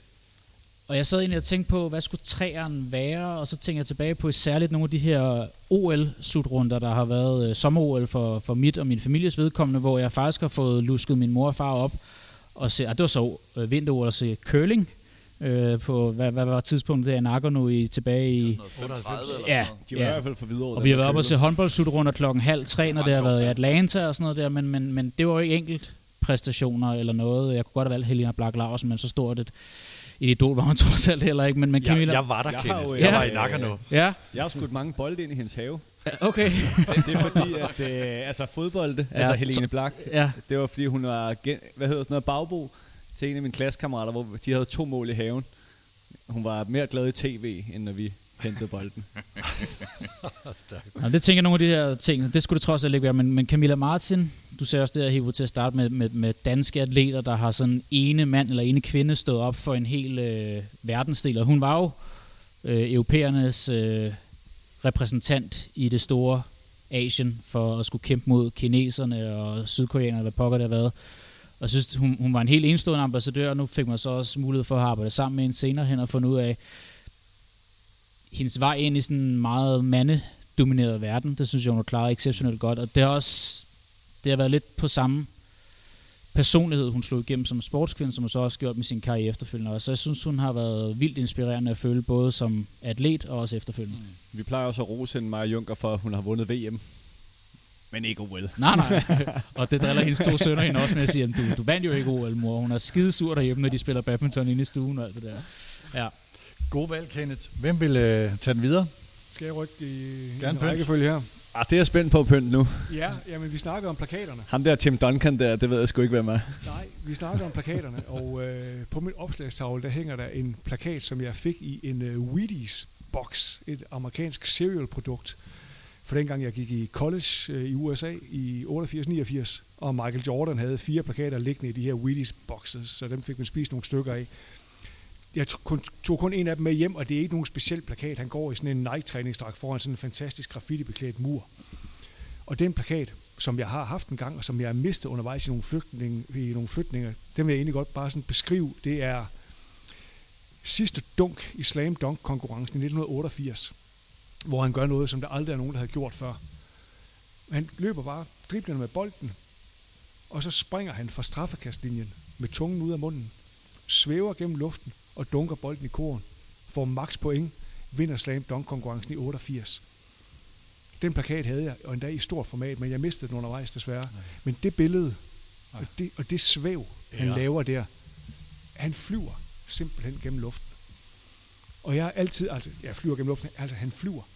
Og jeg har altid sagt, at hvis jeg sådan helt frit kunne vælge en atletisk evne, som jeg kunne, så ville jeg vælge at kunne lave det dunk. For mig er det simpelthen noget af det vildeste, jeg nogensinde har set, og det ophæver tyngdekraften. Og i og med, at jeg var i USA i 88-89, så havde jeg så lejlighed til at følge ham meget tæt på tv og ved at købe Sports Illustrated. Og det er jo før han rigtig bryder igennem her. Det er her, hvor han er på vej. I 87-88 sæsonen, han vinder Slam Dunk, og så af Chicago Bulls for første gang ud af slutspillet. I 88-89, der laver han for første gang noget, man kalder The Shot, hvor han ligesom laver en scoring, som er historisk, fordi den var lavet i sidste sekund mod øh, Cleveland Cavaliers. Og øh, ja, jeg blev bare reddet fuldstændig med af den der Michael Jordan-bølge. og spillede selv basketball op i Aalborg og havde Air Jordans og så videre. Og jeg ved, at der er andre her ved bordet, der har ham, så de kan så fortælle om det her med, altså hvordan han sådan ligesom også blev en marketingsmaskine og så videre. Men for mig er det det der billede, hvor han flyver gennem luften, der ligesom har sat sig. Og så det her med, at han jo bare blev bedre og bedre. Ikke? Han vinder seks titler, og han stopper med at spille basketball, og han, der er den her dokumentarserie The Last Dance om den sidste sæson, ikke? Og, og så et af de bedste stykker sportsjournalistik, jeg nogensinde har læst, handler også om Michael Jordan, en amerikansk journalist, der hedder Wright Thompson, som øh, fulgte ham op til hans 50-års fødselsdag. En artikel, der hedder Michael Jordan has not left the building. Hmm. Hvis man ikke har læst den artikel, så skal man gøre det. Den er fuldstændig Bedste sublim. sportsjournalistik, den bedste dokumentar. Jeg kan også anbefale Sacred Hoops, øh, om Phil Jackson primært, men dermed også øh, Michael Jordan som, Ja. ja. som en fantastisk bog om sport, men også om ledelse. Så virkelig, virkelig fantastisk bog. Hvis, hvis man lige skal koble Michael Jordan til fodboldens verden, så øh, en vis Pep Guardiola har jo altså, har fortalt om, at der midt i 90'erne, der føler han, at Jordan er så speciel, at han skal stå op om natten for at se ham spille, fordi han ved bare, at det her det er noget unikt, det kommer aldrig igen. Øh, det, det, det skal simpelthen prioriteres at sidde og se Michael Jordan spille på, på den anden side af Atlanterhavet. Jeg så jo simpelthen den sidste finale, han spiller mod Utah Jazz. Der stod jeg op der midt om natten og så den klokken 5 om morgenen. Jeg havde det der, jeg tror det var Kanal Plus, der viste det dengang. Ja. Og de havde så sådan en ting med, at de der midt om natten, så opdaterede de altid alle deres systemer. Så du havde sådan et par minutter, hvor skærmen bare gik i sort. Og det gjorde den, da der var tre minutter igen af den her finale. Men de kom heldigvis igen, så vi lige nåede at få det sidste minut med, og hans sidste skud, øh. hvor de vinder mesterskabet. Ikke? Så øh, ja. Jeg springer lige ind på en, for jeg har også Michael Jordan, jeg ja. skal ikke sige de samme ting. Jeg har, det, det vil være et stretch at sige, at jeg har mødt ham. Øh, men til OL i Atlanta i 96, der var jeg tog i en frokost. Altså, jeg, jeg, jeg, var sådan, sådan en journalist, der lavede alle mulige andre ting, var til gospelgudstjeneste nede i sådan de sorte områder en søndag klokken 7. Jeg interviewede James Brown og George Clinton og forskellige musikere, sådan trådte op. Så var der en, en koncert en aften, hvor Scottie Pippen og øh, Jordan og flere af de andre kom op på scenen, og vi stod, øh, var blevet der længe. Øh, det var sådan et, et, et venue, som var en del af OL-byen der, ikke? Øh, jeg kan ikke huske, hvem der spillede. Jeg mener faktisk ikke, det var, det var James Brown. Men de kom op på scenen og blev hyldet og dansede lidt med og sådan noget. Ikke? Og det var, det var bare sådan, det der med at altså, stå og altså, tage ting ind, fordi man er, det var ikke sportsoplevelsen, det var bare personlighederne, og den, også den amerikanske, og det, også her den globale dyrkelse af, af storheden. Mm. Øh, og han, han, han har også altid stået for mig som, måske ikke den største figur, men den største atlet. Altså det der atletiske er jo fuldstændig overmenneskeligt, og hvor man bare tænker, hvor, altså, hvor meget øh, talent og kunde og muskulær og alt muligt ting kan forenes i et, altså i en krop, det er jo det, det er, det er så fascinerende. Men måske også den største, det er lidt en floskel, men den største vinder, ikke? Men jeg synes, den der ja, The Last ja. Dance fik man ligesom altså cementeret det der med, hvor stor en vinder han var. Mm. Og hver gang der var et nederlag, så er du tilbage og analyserer på det, og komme tilbage stærkere næste gang. Altså revancere det nederlag der. Det var, for jeg gad på den ene side godt at være i omklædningsrummet, men jeg gad på den anden side ikke, hvis det var mig, der lavede en fejl eller noget andet, fordi jeg tror godt nok, at... Øh... det, er, det er sindssygt fascinerende, det der med at, at, at kunne være så god, men som du siger, det der med, at der er jo også nogen, der ikke har, altså, har at spille sammen med ham. Altså, ja, det, det er med, fordi at det har været så krævende, men de jo så også har vidst, at hvis de vil være på vinderholdet, så er vi nødt til at tage imod de der ting. Ikke? Jeg, sige, nu, jeg har ikke Michael Jordan på, men tænk nok, nogle af jer andre havde, men, men, men det var også, det var, for mig var det virkelig, virkelig fedt, at den der The Last Dance kom, ikke? fordi mm og, og det skal jo lyde med al respekt, men for mig er Michael Jordan jo ham fra Space Jam. Altså, fordi at det, det er jo, altså... det må du lige have lavet om. Nej, nej, men det er jo, altså, fordi jeg så ikke basket jo, men det, det var min yndlingsfilm som barn. Det der med, at han står nu, og Kelly er jo ikke det bedste referencepunkt mere, men den der måde med I Believe I Can Fly, han stod derude, og så så man den der film, og, og, og så, så, jeg har aldrig set nogen af hans kampe, men sådan at få den der fornemmelse af den der Netflix-serie, der var, det var, det, var, det, det gjorde det lige sådan lidt mere inspirerende for mig. Ja, jeg så ham live. Jeg synes bare, jeg vil sige det. Jeg, jeg flyttede jo til Illinois, øh, dengang jeg var 19 år gammel, og boede i øh, Rockford, Illinois, som er omkring 100 km fra Chicago. Og øh, gik faktisk og småkede mig rimelig meget i et halvt års tid, hvor jeg arbejdede på sådan en wallpaper factory. Der var en meget, meget sød pige i receptionen, som jeg, blev, som jeg blev en lille smule forelsket i. Det viste sig faktisk, at hun var cheerleader for Chicago Bulls, for det ikke skal være løgn. Og hun tog mig med til en kamp, øh, med, hvor Michael Jordan spiller for Chicago Bulls mod Detroit Pistons. Så nu skal, nu skal Kende lade være med her. Det store ærkefjende opgør. Det ved jeg godt. Kende og Pønt, de skal, skal ikke være alt for sure på mig lige over den der kamp, for jeg forstod det jo ikke rigtigt. Altså, jeg, kendte, jeg kunne godt se Michael Jordan, han var sådan en, de, de gik meget op i et over. Jeg bliver kun sur på dig, hvis du har brugt tid på at sidde og kysse med hende, og ikke sidde og se det der oh, episke slag, der har været på banen. Hun var niveau over mig. hun, var, hun var, du ved, det var ham den kiksede dansker, og han fik lige lov til at komme ind og se den der kamp. Og jeg, anede, med dig. og jeg anede ikke, hvad jeg, var, hvad jeg, hvad jeg sådan var vidne til. Til gengæld har jeg aldrig set Pete Sampras live. Det ville jeg gerne have gjort. Åh, oh, det er godt. Pynt, du er ikke ja, færdig? Ja, hvis vi, vi kan jo ligesom lave en tråd igennem det her, fordi uh, Michael Jordan er jo utrolig mange ting, og han er også ryg nummer 23. Øh, den næste, som vi også har en plakat hængende af derhjemme, han er også et rygnummer. Johan Cruyff, som jo er nummer 14. 14. Ja. Um, og det, altså det der med Johan Cruyff, det er måske, altså den første VM-finale, jeg kan huske, det er VM-finalen i 74, men jeg, jeg kan ikke påstå, at han har sat sig. Og jeg har heller ikke fulgt Ajax på den måde, men jeg har, jeg har læst op på ham, og jeg har altid været dybt fascineret af den her, undskyld, den her vilje til, den her vilje til altid at ville det det smukkeste og det sværeste i fodbolden. Det stod han for, og det kunne han. Og han vandt helt vildt meget. Og så det er dybt fascinerende, da han så stopper, jamen så bliver han træner, og så bliver han ved med ligesom at insistere på det smukkeste og det mest elegante og Storhed. storheden de her lørdag aftener i slutningen af 80'erne, hvor TV2 dukker op og begynder at sende ned fra, fra La Liga. Ikke? Altså, det, altså de her lørdag aftener, hvor du kunne starte med at se Twin Peaks, og så bagefter så kom der La Liga. Og så gik man i om for Enegade. Ja, men altså. det var fuldstændig vanvittigt. Altså det her, Og fandt noget, der var niveau over pynt. det her drømmehold af guddommelige fodboldspillere, som han stod i spidsen for. Og så det her med, at hans principper, de lever den dag i dag. Ja. I Pep Guardiola og alle dem, der er blevet inspireret af Pep Guardiola. Det synes jeg er smukt. Så det kan, altså, som fodboldspiller var han fantastisk, men så også alt det her, han ligesom har taget med sig. Mm. Og den tredje er en stor fan af, af Michael Jordan, øh, Anja Andersen Sjovt. som jo som vi, altså det her med, med kvindehåndbold, og, altså var, det var ikke noget, vi sådan, men, men sådan gik så voldsomt meget op i, og så pludselig så kom de der jernhårde ladies der, og vandt EM-guld i 94, og EM-guld og OL-guld i 96, og VM-guld i 97, og det var Anja Andersen i midten af det hele. Ikke? Mm. Og hun spillede håndbold på en måde, som var sådan lidt, jamen kan man det? Jamen det kunne man godt, når man var, når man var Anja Andersen, ikke? og hun var hun havde den her fuldstændig vanvittige vindervilje, og det her temperament, som også arbejdede imod hende, ikke? men altså hun var bare en stjerne, ikke? og jeg kunne, godt, jeg, kan, jeg, altså jeg kunne godt se den der kobling fra Michael Jordan og så til Anja Andersen. Det er jo Altså, sjovt, der- at Mikkel Hansens største idol, det er LeBron James. Ja, Så der er også sådan lidt en pendant til det i forhold til at overføre overføre nogle af de der basketbevægelser hen i håndbolden også, ikke? Jeg Jeg har der også, er også noget Nike i, i den tråd der, du siger i forhold til, altså Jordan blev jo Nike, eller Nike blev Jordan, hvad det nu blev, ikke? Mm. Og Anja var jo Nike-faktor. Mm.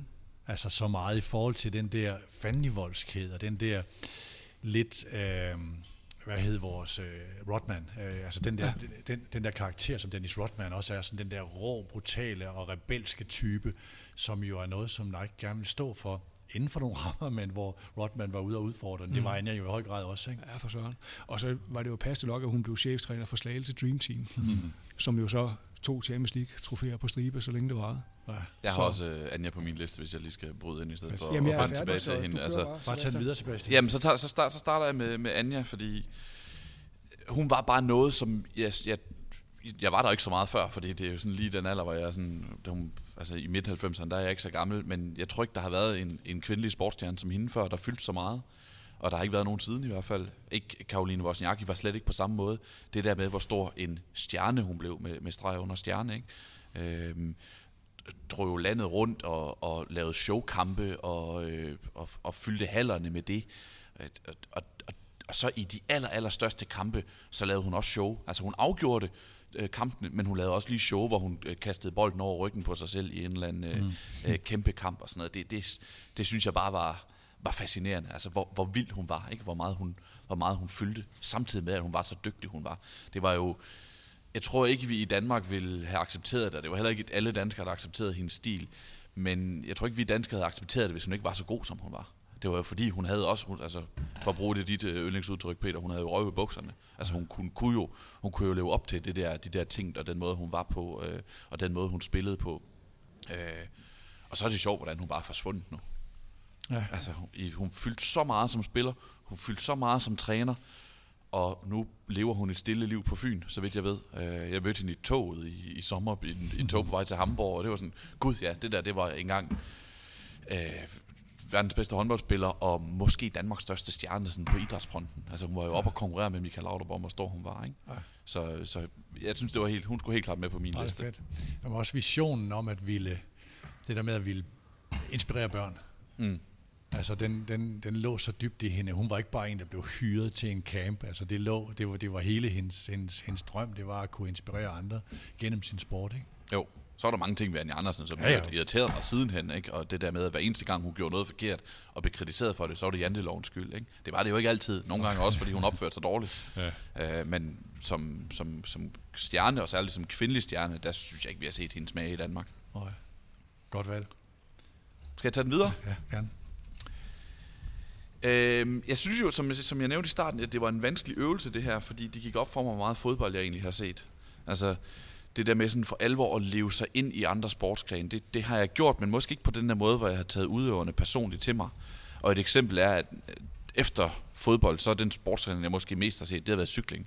Fordi alle de der fodboldløse øh, sommerpauser der, ikke? så har man bare siddet og set Tour de France hele dagen. Men alle, alle de store forårsløb i cykling, det har jeg jo fravalgt til fordel for Randers Viborg eller en eller anden øh, første divisionskamp, jeg skulle ud og se. Ikke? Så der er rigtig meget cykelsport og andre sportsgrene, jeg ikke har set, så derfor har jeg ikke måske helt involveret mig i det. Men nogen jeg har, har jeg alligevel fundet frem.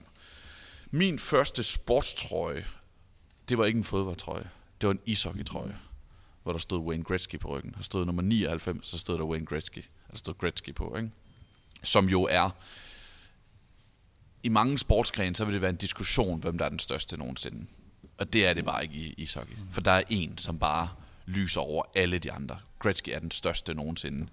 Og den bedste statistik, jeg ligesom kan bruge til at illustrere det, det er den her, selvfølgelig den her kanadiske ishockeystjerne, som spillede i slut 70'erne, i 80'erne, var allerbedst i 80'erne, og så op til slutningen af 90'erne.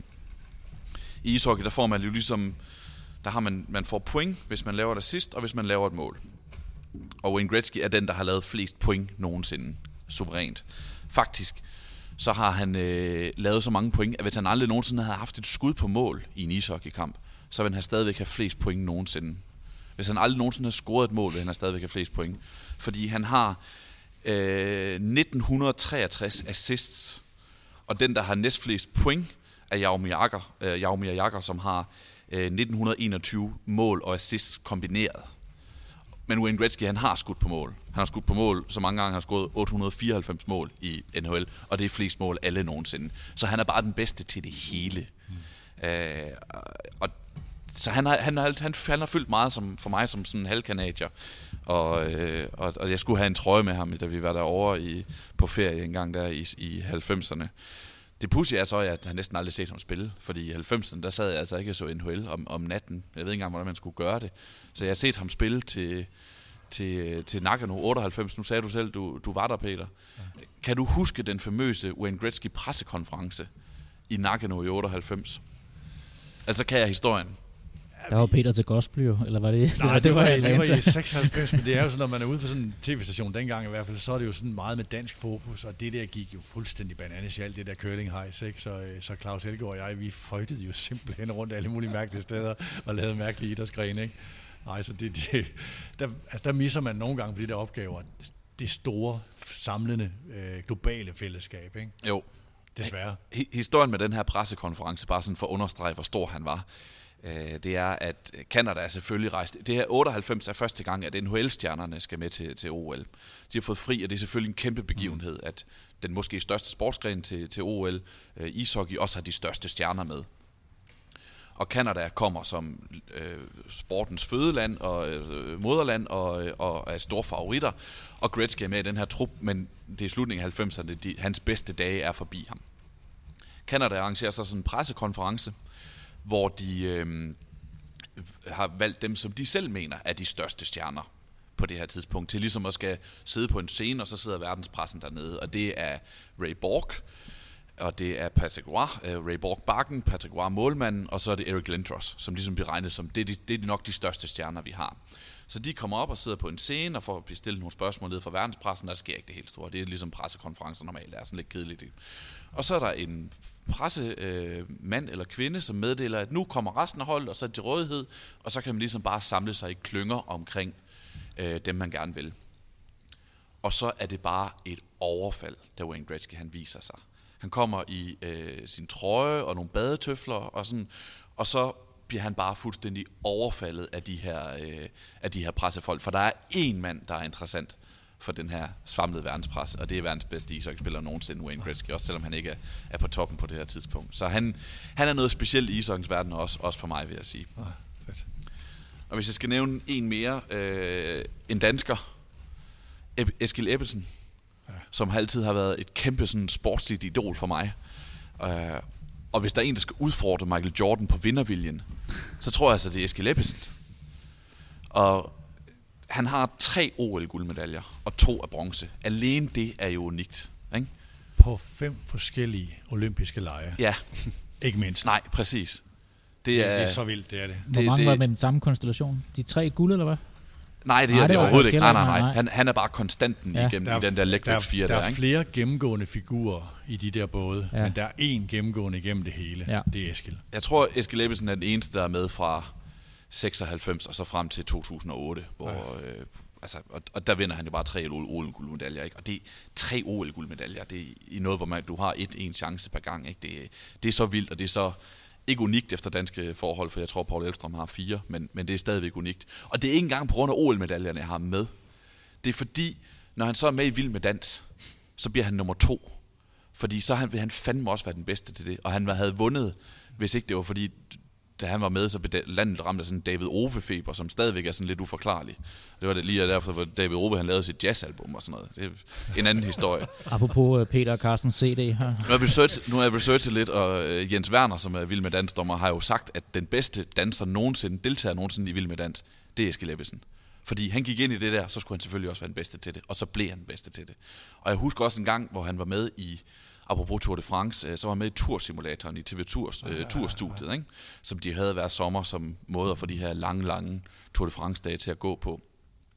Og Eskild Ebbesen sætter sig på den her cykel, og så kommer verden, jeg kan ikke huske, om det er Thomas Christensen, eller hvem det er, op, op og stiller ham spørgsmål, og Eskild Ebbesen bliver sådan irriteret på ham. Fordi Han er i gang med at præstere. han er i gang med at præstere, og han, havde, han siger til ham, nu havde vi aftalt, at det skulle være korte spørgsmål. Fordi selvfølgelig, når han sætter sig op på den cykel der, så har han lavet en aftale med verden om, at han skal ikke forstyrres undervejs. Han skal i hvert fald forstyrres minimalt. Og Eskild Ebbesen ender med at sætte øh, bedste tid på den der tursimulator, det der år der. Ja, det var han også den bedste til. Ikke? Så han er bare en kæmpe vinder i min bog, og sådan et forbillede til det der med, hvor langt man kan drive det, hvis man bare vil det. Har du mødt ham i studierne? Ja, det har Han, jeg. han kommer jo hyppigt ja. i, uh, i Casa Mediano.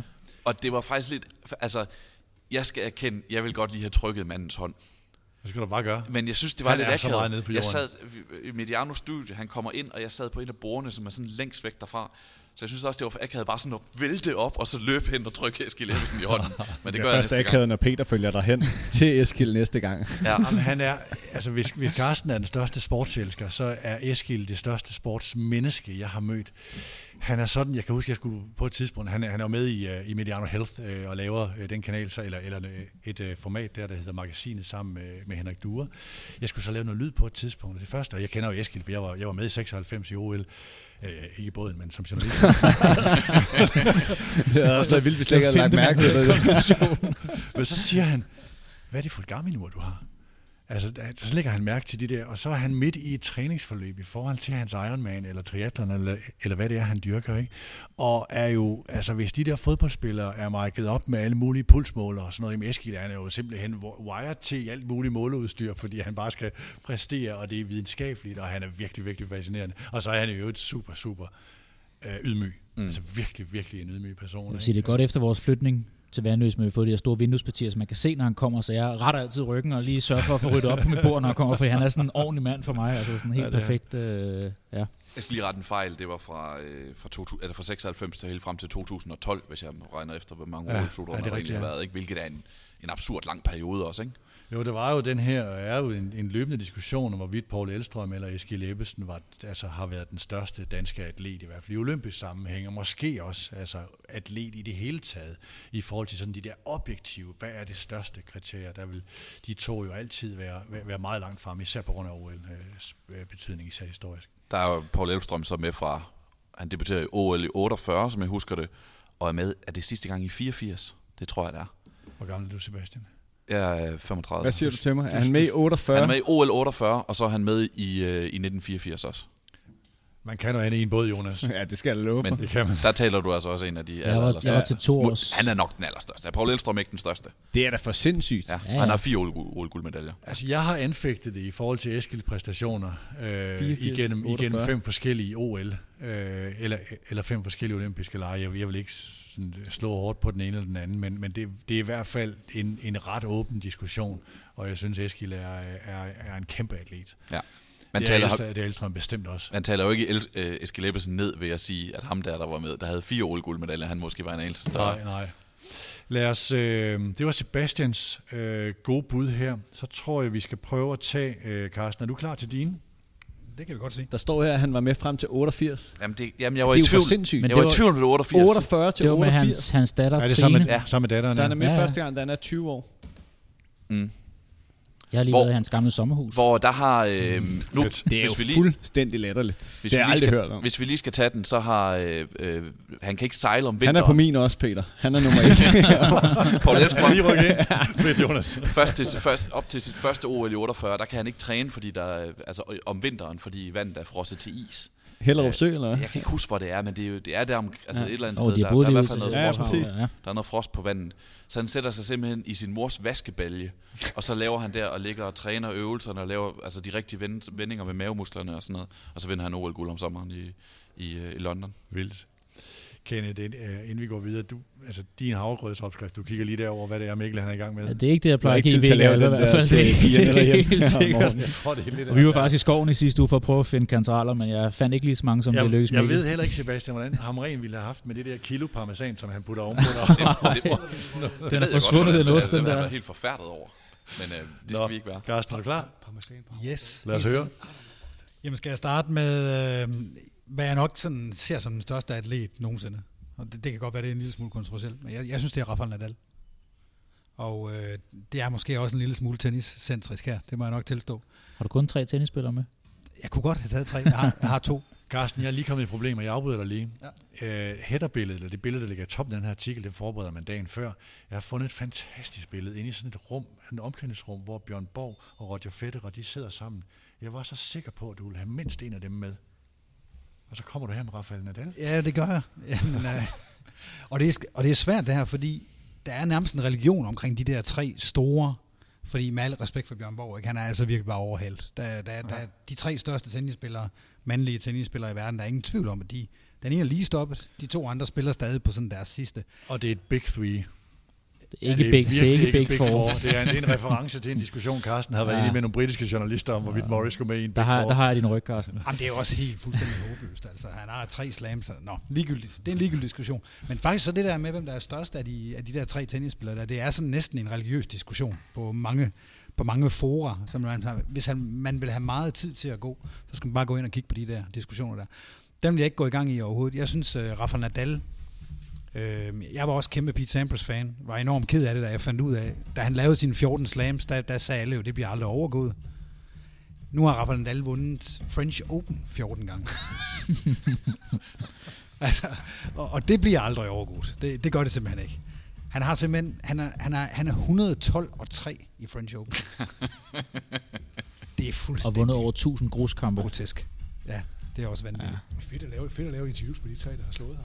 French Open. Ja, det er da en fremragende long read. Fantastisk at Jeg se. mener, jeg mener, Joko er to af dem. Øh, I finaler sikkert. I, I mener i finaler, og så har han tabt til Robin Söderling for mange, mange år siden i en kvartfinale. Nå, Det er så artiklen der. der. Ja. ligegyldigt. Men, det, men det er noget af det, som jeg også synes er så fantastisk ved Rafa, det er, at han er, jeg synes ikke, han er rent æstetisk overhovedet af den smukkeste tennisspiller, jeg har set.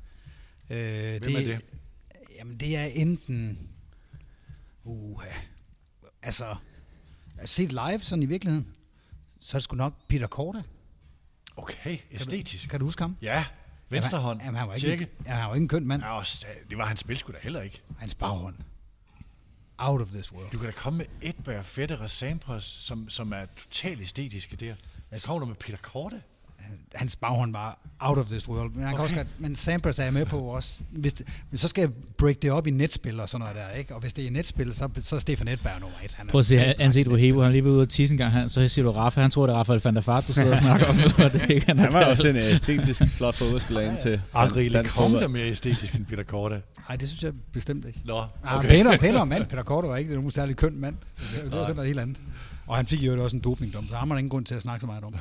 Men altså, jeg synes også, det der er så fantastisk ved Rafa, det er det her med, at han, for det første, at han, at han har den her, nu taler I meget om vindermentalitet, men det er godt nok også den vildeste vinder, vind- vindermentalitet, han har ham der. Og så er han bare så ydmyg også. Ikke? Han, øh, jeg kan huske, de sagde, efter han vandt øh, Australian Open, så, så fortæller de bagefter nogle af journalisterne, at lige i øjeblikket, de kan ikke få fat i Rafa lige nu, for lige nu der er han ude og takke oversætterne efter en pressekonference, fordi det gør han altid. Fordi der sidder fire oversættere ude i sådan et lokale ved siden af pressekonferencerne, og de sidder og oversætter derude, og nogle af dem gør det frivilligt, fordi de her turneringer har ikke altid øh, penge til at betale dem. Og han går altid ud bagefter og takker de der oversættere, fordi de er der. Og det er der ingen andre tennisspillere, der gør Nej, det. nej. Altså, så ham, ham har jeg meget for, både som menneske, men også som, Fedt. Som, som spiller. Og så vil jeg lige sige til Hebo, så han også lige kan være med, altså den rigtig fodboldmanden derovre. Han var jo mega god til fodbold, da han var 13-14 år gammel. Det altså, viser han også på tennisbanen nogle gange, når han lige står og Ja, han kan jonglerer jo med den der set ham lille stå og jonglere? det ser vildt ud. Da han var 14 år gammel, der spiller han med i en turnering nede på Mallorca, hvor han bliver kort til turneringens bedste spiller. Jeg, tror, jeg mener, de, de, de bliver nummer to i den turnering der. Det bedste hold for Barcelona og det bedste hold for Real Madrid er med i den her turnering. Og han bliver kort som turneringens bedste. Og så har de et interview med ham bagefter med lille Rafa, men som man tydeligt kan kende, hvor de spørger ham, hvad, hvordan han ser sin fremtid. Og lille Rafa, han er fuldkommen alvorlig. Han cracker ikke et smil overhovedet. Han siger bare, jeg spiller slet ikke fodbold mere. Jeg er helt holdt op med at spille fodbold. Men træneren spurgte, om jeg ikke gerne lige ville være med til den her turnering. Jeg spiller kun tennis. Men han havde jo også fodboldblod i årene, ikke? Hvad er det, Miguel Angel Nadal er til ham? Onkel. Onkel? Onkel? Ja. Ja. Eller en Ja. grandonkel eller sådan et eller andet. Ja, det er jo derfor, da Michael Laudrup kom til Mallorca, var der nogle Ja, bold de der der, nogle billeder billeder og der, sådan ja. seancer, ikke? Lille, lille ikke? Jeg har set ham spille en, øh, en opvisningsturnering nede i Madrid, dengang jeg havde en kæreste, der boede i Madrid, så jeg var meget i Madrid. Var hun Øh, over dit Altså en, du var forelsket i, var eller ikke? Ja, det er rigtigt. De skulle alle sammen have var et cheerleader for Real Madrid. Madrid. altså. Jeg synes, det er utroligt, at der er nogle piger, der overhovedet gider holde hånden af mig. Men, øh, men, men øh, vi, vi var oppe, og hun var faktisk fodboldfan, og, og hun var stor Barcelona-fan, men han var så nede og spille sådan en, øh, en, en turnering, og han laver tunnel på et tidspunkt på Sergio Ramos, fordi det er sådan en blandet turnering af celebrities og fodboldspillere. Det er imponerende nok, han vandt Og- en tennisturnering siden. Og den tunnel, han laver på Sergio Ramos, det er en rigtig tunnel. Det er ikke sådan en, hvor Ramos han giver ham lov til at lave tunnel. Det er en rigtig tunnel. Og Ramos står sådan, hvad fanden gør jeg nu? Der er en, tennis, lige der er en en tennisspiller, der er en tennisspiller, der har lavet tunnel på mig. Så han var en virkelig, virkelig dygtig fodboldspiller også. Øhm, den næste, jeg har på listen, det er en kvinde, og det, er- det er Martina Navratilova. Okay, Så der har jeg også lige en kvinde. fedt. Du håbede, jeg ville sige Steffi Graf, Peter. Ja, det er sådan mere, øh, det var, det var et blødt punkt i hjertet for, for Steffi Graf, og, det, som jeg også ja, øh, interviewede en gang under French Open, øh, sådan total starstruck, ikke? Øh, men men øh, Navratilova, altså en, en figur, altså en kæmpe sportsatlet, men også en personlighed ud over sporten, ikke? Jo, men det er også det, der er så vildt med hende. Det er det her kulturelle del af, hvis man kigger på hende, hun, hun, kommer, til, øh, hun kommer til USA som 18-årig og spiller en turnering hun, er fra Tjekoslovakiet. Og så søger hun asyl, eller hvad man så kalder det dengang. Øh, og, og bliver så smidt ud af Tjekoslovakiet rent officielt, og får i løbet af en måned et green card i USA. Og så er hun så fuldblods amerikaner og spiller jo øh, de her forskellige øh, Federation Cup og hvad de ellers hedder for, for, for kvinder. Og så har hun altså vundet, øh, jeg synes jo, hun er den største kvindelige tennisstjerne nogensinde. Jeg ved godt, at man skal sige det, Serena, men det synes jeg ikke, der. Øh, og det er blandt andet, fordi hun har vundet 18 øh, slams. Serena har vundet 23, tror jeg det er. Men hun har jo vundet 18 single slams. Hvor mange slams tror I, hun har vundet? Hvis I ved det, må jeg ikke sige det. Jeg kan se det på din computer, men jeg skal nok være slaget. Fair. Fordi hun var en meget, meget dygtig dobbeltspiller. Altså som i den klart bedste dobbelt- samlet, Ja. 18 single slams, og så er der doblerne oveni også. Ja. Så i alt 42. 47. I er faktisk næsten engang i nærheden. Nej. 59. Ja, Nej, nej, nej. det er flot. Hun Hun spillede også længe, ikke? Altså var hun Jo, ikke et par 40, da hun stoppede eller noget? Og så spillede hun, og det her, det Jo. kan godt være, det Ja. bliver en lille smule upopulær ved at sige det her, men hun kunne, hun kunne noget, som kvinder ikke rigtig kunne dengang. Fordi hun var også en af de første, der tog det meget alvorligt med, med vægttræning og sådan Ja. nogle ting. Hun var virkelig, virkelig seriøs. Ikke? Om det er jo det der med at have den der kraft, som Serena også har. Altså, der opstår jo altid nogle spekulationer at sige, at det er naturligt, at en kvinde har så store muskler. Jeg kan huske, altså, hun er venstrehåndet, ikke? Navratilova. Hendes venstre arm er jo, jeg kan huske, når man så de der billeder af den, den er, den er jo bare så stærk. Altså, så, øh, så veltrænet, ikke? Øhm, og de der, altså, jeg kan huske rivaliseringerne med, var det først Billie Jean King og senere Chris Evert på hver sin side aldersmæssigt, ikke? Som var, hvor hun bandt de der æraer sammen som den gennemgående figur, og bare var, jamen hun var jo også, det tror jeg ikke er forkert at sige, maskulin i sin vindermentalitet, den måde, hun, at den kom til udtryk på. Hun var så kraftfuld, og det er ikke sagt som noget som helst, men det var bare sådan, hun brød mange ting øh, i, altså for, for, øh, for kvinder, som, som, som, som var dybt fascinerende at følge. Ja, så var hun også bare ekstremt teknisk dygtig. Øh, i, I forhold til nogle ting, som kvinder ikke gjorde ret meget. Altså hun servede enormt godt mm. øh, af en kvinde at være. Øh, servede hårdere end de fleste andre kvinder, fordi hun var stærkere end de fleste andre. Og så kunne hun flugt. Hun havde et decideret flugtspil. Hun kunne smashe rigtig, rigtig godt, hvilket kvinder heller ikke kunne ret meget dengang. Og det var en del af traditionen, det var, at kvinder ikke gik ret meget til nettet. Men hun spillede jo, hun spillede simpelthen serv flugttennis. Og det betød jo, at når hun så spillede mixed så var det næsten lige meget, hvem hun spillede mixed med, så vandt de. Ja. For det var næsten ligesom at have to stærke herrer på holdet. Altså, Så, så hun vandt, ja. Hun vandt, hun vandt sin første slam som 18-årig, og så vandt hun sin næste slam, eller sin sidste slam, 32 år senere. Ja. I 2006. Ja, det er ikke helt Elmstrøm, men... Øh, 32 plus 18, det er 50. Ja. Okay. I en dobbelt, så må det være, ikke? Jo, jo, jo. Jeg tænker ikke, det er en single, single som 50 år. men ikke single som 50 år, men, men det er jo helt vildt. og sammen med Kan det passe, at hun har været meget politisk aktiv her de senere år, ikke? Ja, Hun er, jo, det er hun lidt, men hun er, hun er jo meget kønspolitisk Mm. øh, politisk aktiv. Hun var en af de første, der nogensinde sprang ud som lesbisk. Hun var hun kom ud i 81, og det gjorde Billie Jean King også. Og jeg altså tror det er sportsstjerner. At der har været folk før. men, øh, men som sprang ud her, og Billie Jean King og hende øh, sprang ud stort set samtidig. Jeg tror ikke engang, de havde tænkt over og talt over det. Faktisk så havde hun fortalt det til en journalist, og journalisten havde lovet ikke at sige det, ikke at skrive det, men så skrev han det alligevel. Det er med med bisset, må man sige. Ikke? Men så hun kom ud i 81, men altså hun, folk vidste det godt. Man kunne også sådan lidt CD, simpelthen. Ikke? Altså hun var, hun, var, hun var meget, meget maskulin, og det lavede hun heller ikke rigtig skjul på. Hun har været øh, aktivist siden, og og det er jo faktisk ret vildt. I dag tænker vi ikke noget over det overhovedet. Der er jo masser af, af, af lesbiske kvinder derude i, øh, i, i herre, hvad hedder det, i, i fodboldmiljøet, håndboldmiljøet og så videre. Men hun var en af de aller, aller første. Og jeg, jeg kom lige til at tænke på den her anden dag, hvor jeg så, at den her Kina, hun er, hun er sprunget ud. En ung russisk øh, tennisspiller. Jeg tror ikke, det er sådan at springe ud som russer, Nej. som homoseksuel. Øh, og der tror jeg altså, en af dem, man sådan kan takke for den slags ting, det var i, i sin tid, øh, Ja. Martina Navratilova. Så det, det er både det her med, at hun er den største tennisspiller, som jeg ser det, også hvis du ser rent titelmæssigt, men også, at der har været, hun, at hun hoppede af og blev amerikaner, og også at hun var den første, øh, der sprang ud. Carsten, de tredje. Ja, jeg ved godt, det, det, det, det kan jeg til gengæld gøre meget hurtigt. Det er Diego Maradona. Og øh, jeg kan sige meget hurtigt, at der hjemme ved mig, da jeg var 12 år gammel, der var der fem plakater på, på min væg derhjemme. Der var en plakat af Samantha Fox, På dit niveau, vil jeg sige. Hun var på dit niveau. og lidt over mit niveau, vil jeg sige. Så var der en plakat af Liverpool, så var der en plakat af Wham, og så var der en plakat af Stefan Edberg, og så var der en plakat af Diego Maradona, og den sad der aller, aller længst. Åh, oh, skønt. Det var det. Har du 3 plus 1, eller har du 3 i alt? Jamen, jeg har også Tiger Woods, men der er ingen grund til at snakke så meget om ham. Hvad- Hvorfor ikke? fordi vi ikke har tid til det, men, Okay. okay. men også fordi der er, med Tiger, jeg kan jo godt lide det der med, at de har nogle fejl. Det, det kunne man også tale meget om Diego Maradona med. Det ser vildt godt ud. Altså, du var jo i en... Øh, du, du sagde her den anden dag i en diskussion, Peter, at du er ikke så vild med Cristiano Ronaldo og, og øh, Lionel Messi. Det må jeg godt sige, at du har sagt det. Ja, ja, ja. ja. Men jeg har det på samme måde. Og det er fordi, jeg er ikke så vild med de der, Tak. øh, de der perfekte fodboldmaskiner, som jeg synes, de to de er. Altså, de er ikke robotter, men jeg synes, det er sådan nogle perfekte maskiner. Jeg, jeg har altid godt kunne lide øh, Diego Maradona og Johan Cruyff og Juan Roman. Riquelme er også sådan en, jeg bare elsker helt vildt. Og han er sådan en mærkelig en. Ingen kan tale med, og der, der er ingen, der er venner med ham og sådan nogle ting. Jeg kan godt lide sådan noget der. Men har det ikke også været meget sigende for mange af de valg, der har været indtil nu?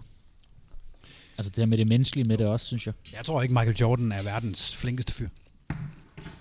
Ej, der er jo i hvert fald noget i, i det uperfekte, Ja, ja. Som, øh, som også skaber myterne næsten endnu større grad, øh, end det perfekte altid gør. Og det, nu kan man så sige, at det der omkring øh, Cristiano og, øh, og Lionel Messi var også omkring det etiske igennem karrieren, og det der med øh, football leagues, og hvad der har været fremme, og senest øh, ambassadør for Saudi, halløj med Messi og sådan noget, hvor jeg egentlig bare siger, jamen, altså rent helt subjektivt, jeg, mit hjerte bliver varmere af at se Luka Modric, end af at se Lionel Messi og Cristiano Ronaldo, fordi jeg har nogle forbehold over for den måde, de har levet deres karriere på.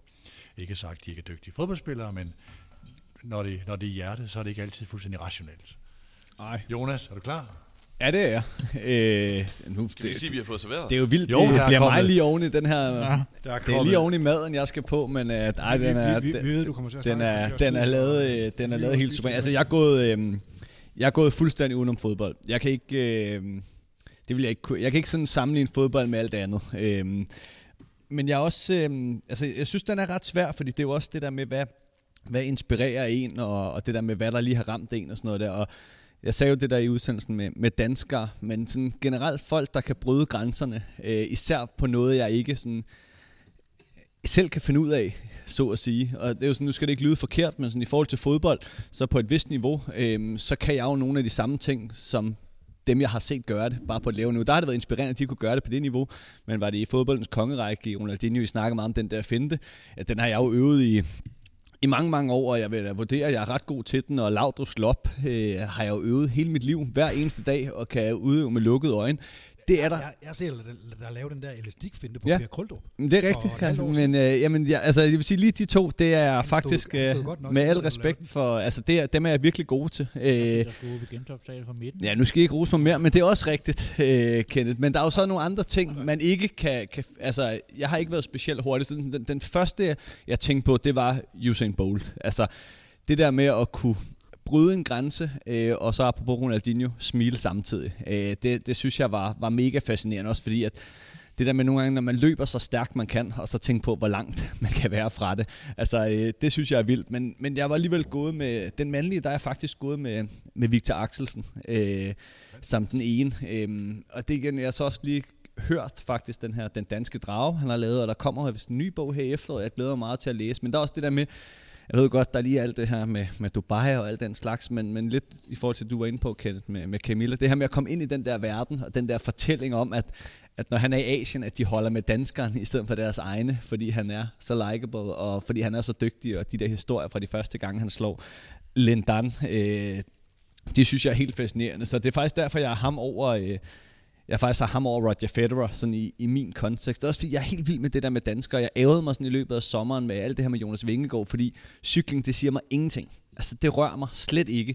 Men i sommer ville jeg jo have ønsket, at det rørte mig. Altså, jeg synes, det var fantastiske billeder inden for, for Rådhuspladsen. Og, sådan noget. og jeg, jeg håber, at, øh, at øh, Victor Axelsen også over tid kan, kan blive hyldet. Nu må vi lige se, hvor mange han når at vinde, fordi han er jo han er fuldstændig sublim. Jeg har så taget øh, Serena Williams øh, som kvinde, og det, det så også stammer også lidt ud fra en bog. Jeg har altid fulgt en del med i tennis. Jeg kommer lidt til kort her i forhold til en kommentator og Carsten og, og hvad der ellers er. Men jeg har også den der bog, som jeg vist også har med i en medianudsendelse, ikke? Al den vrede, ja, der er blevet lavet om øh, Anders Hov, tror jeg han hedder. Ja. Som er, hvor man synes virkelig, at man får et, et billede af, hvad, hvad man også går igennem, når man øh, kommer fra områder, hvor at vi ikke lige er vokset op.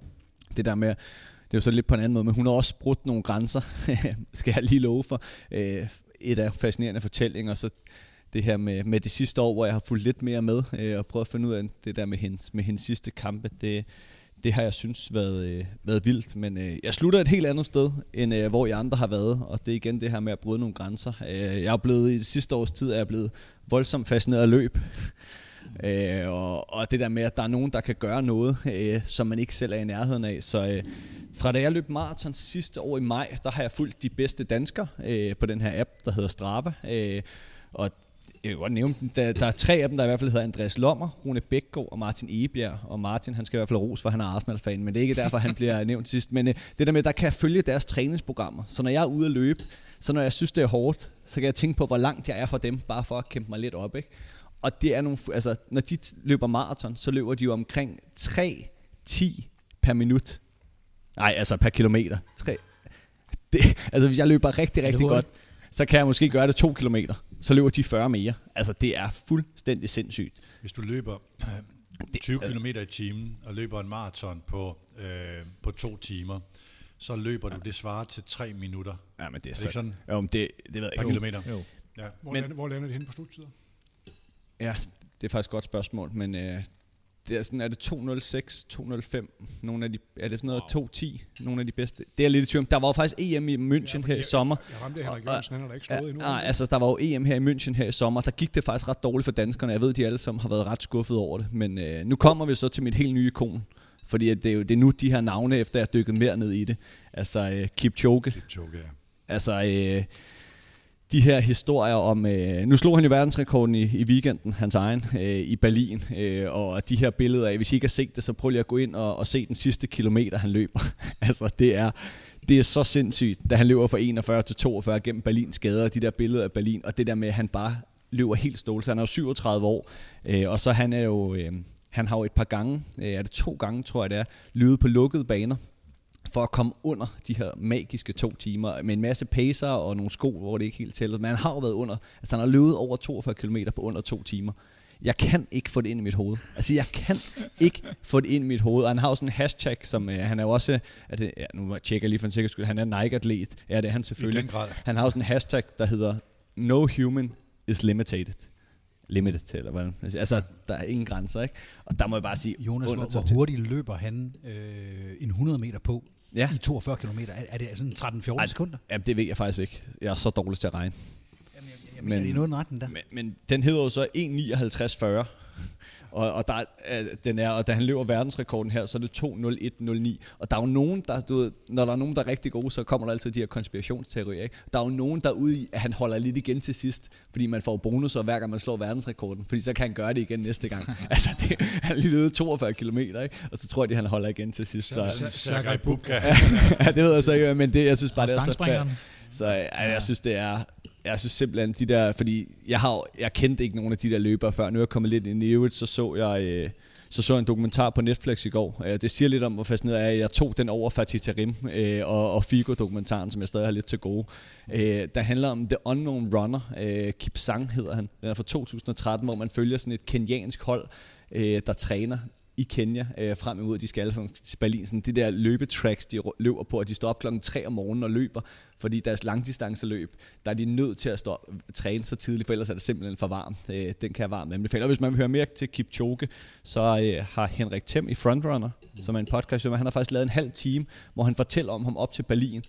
Og hvis man er helt vild med Eskild Ebbesen, Sebastian, ja. så kan man komme ud og løbe med, med Eskild Ebbesen, faktisk. Øh, han laver sådan Henrik sådan nogle real life, øh, real time, tror jeg det hedder, løbepodcast, hvor du løber et løb med ham, der er gæsten. Jeg har selv været så heldig at være gæst, men det er Eskild Ebbesen også. Det er ret fascinerende. Jeg har været ude og løbe med Eskild, altså i mine ører, øh, hvor han også fortæller om de ting. Så den kan jeg anbefale, om man skal ud og gå eller løbe. Men, Man skal øh, ikke løbe med Kipchoge. i hvert fald. så er udover Paul Elmstrøm, Som du lige har sat som ind. jeg har sat ind nu, øh, fordi jeg simpelthen er for historisk dårlig, så har jeg øh, Kipchoge. Øh, det, er det, det er så sindssygt. Altså det der med det der billede med Michael Jordan, øh, som det, det der med nogle ting, som vi ikke kan forestille os. Og vi kan jo alle sammen løbe. Vi er bare ikke nogen, der kan løbe som ham. Nej, hvad kan man få den menneskelige krop til? Ja, Og på det, der med er- dokumentar, der er der også det der med en mand, der løber 100 marathons på 100 dage, eller hvad er det? Og der er en, der også har løbet et... Er der en, der har løbet et maraton hver dag i et år? Er det ikke en dansker, der Jo, har en det? dansk kvinde, var det En ikke? dansk kvinde, kvinde. ja. Ja. Altså, Hun, de der har, altså, hun ja. fortjener massage. Men altså, Ja. de der maratonløber, det er altså bare tanke om, det vil være umuligt for mig at cykle ved siden af ham. Altså, Ja. jeg, det ville jeg ikke kunne gøre i en halv time. Nej, hvis man, altså, hvis man har prøvet at løbe intervalløb, jeg kan huske, i, da jeg var væsentligt yngre, og jeg løb et maratonløb, og jeg skulle lave intervaltræning efter et program og sådan noget. I de der helt korte intervaller kunne jeg lige banke den op på 20 km i timen. Det er, hvad de løber på et helt maratonløb, de her, de her, øh, de her mennesker. Ja, en, lille, lige- ja, en lille sidehistorie til det der, Peter, for det er meget interessant også, fordi vi er jo fodbold, og sådan fodboldspillere føler jo virkelig, de er hurtige, og vi kan klare hvad som helst. Der er jo også lavet nogle test i Danmark, hvor at, øh, det er så ikke Henrik Thiem, men det er en anden tidligere løber, jeg kan så ikke huske navnet, hvor at det er en gang i lige på sport jo, hvor han er ude at løbe mod Silkeborg, hvor 10 forskellige Silkeborg-spillere, de skal løbe en kilometer hver interval, hvor han bare løber rundt og løber alle 10. Ja, ja. Altså der taber de jo også.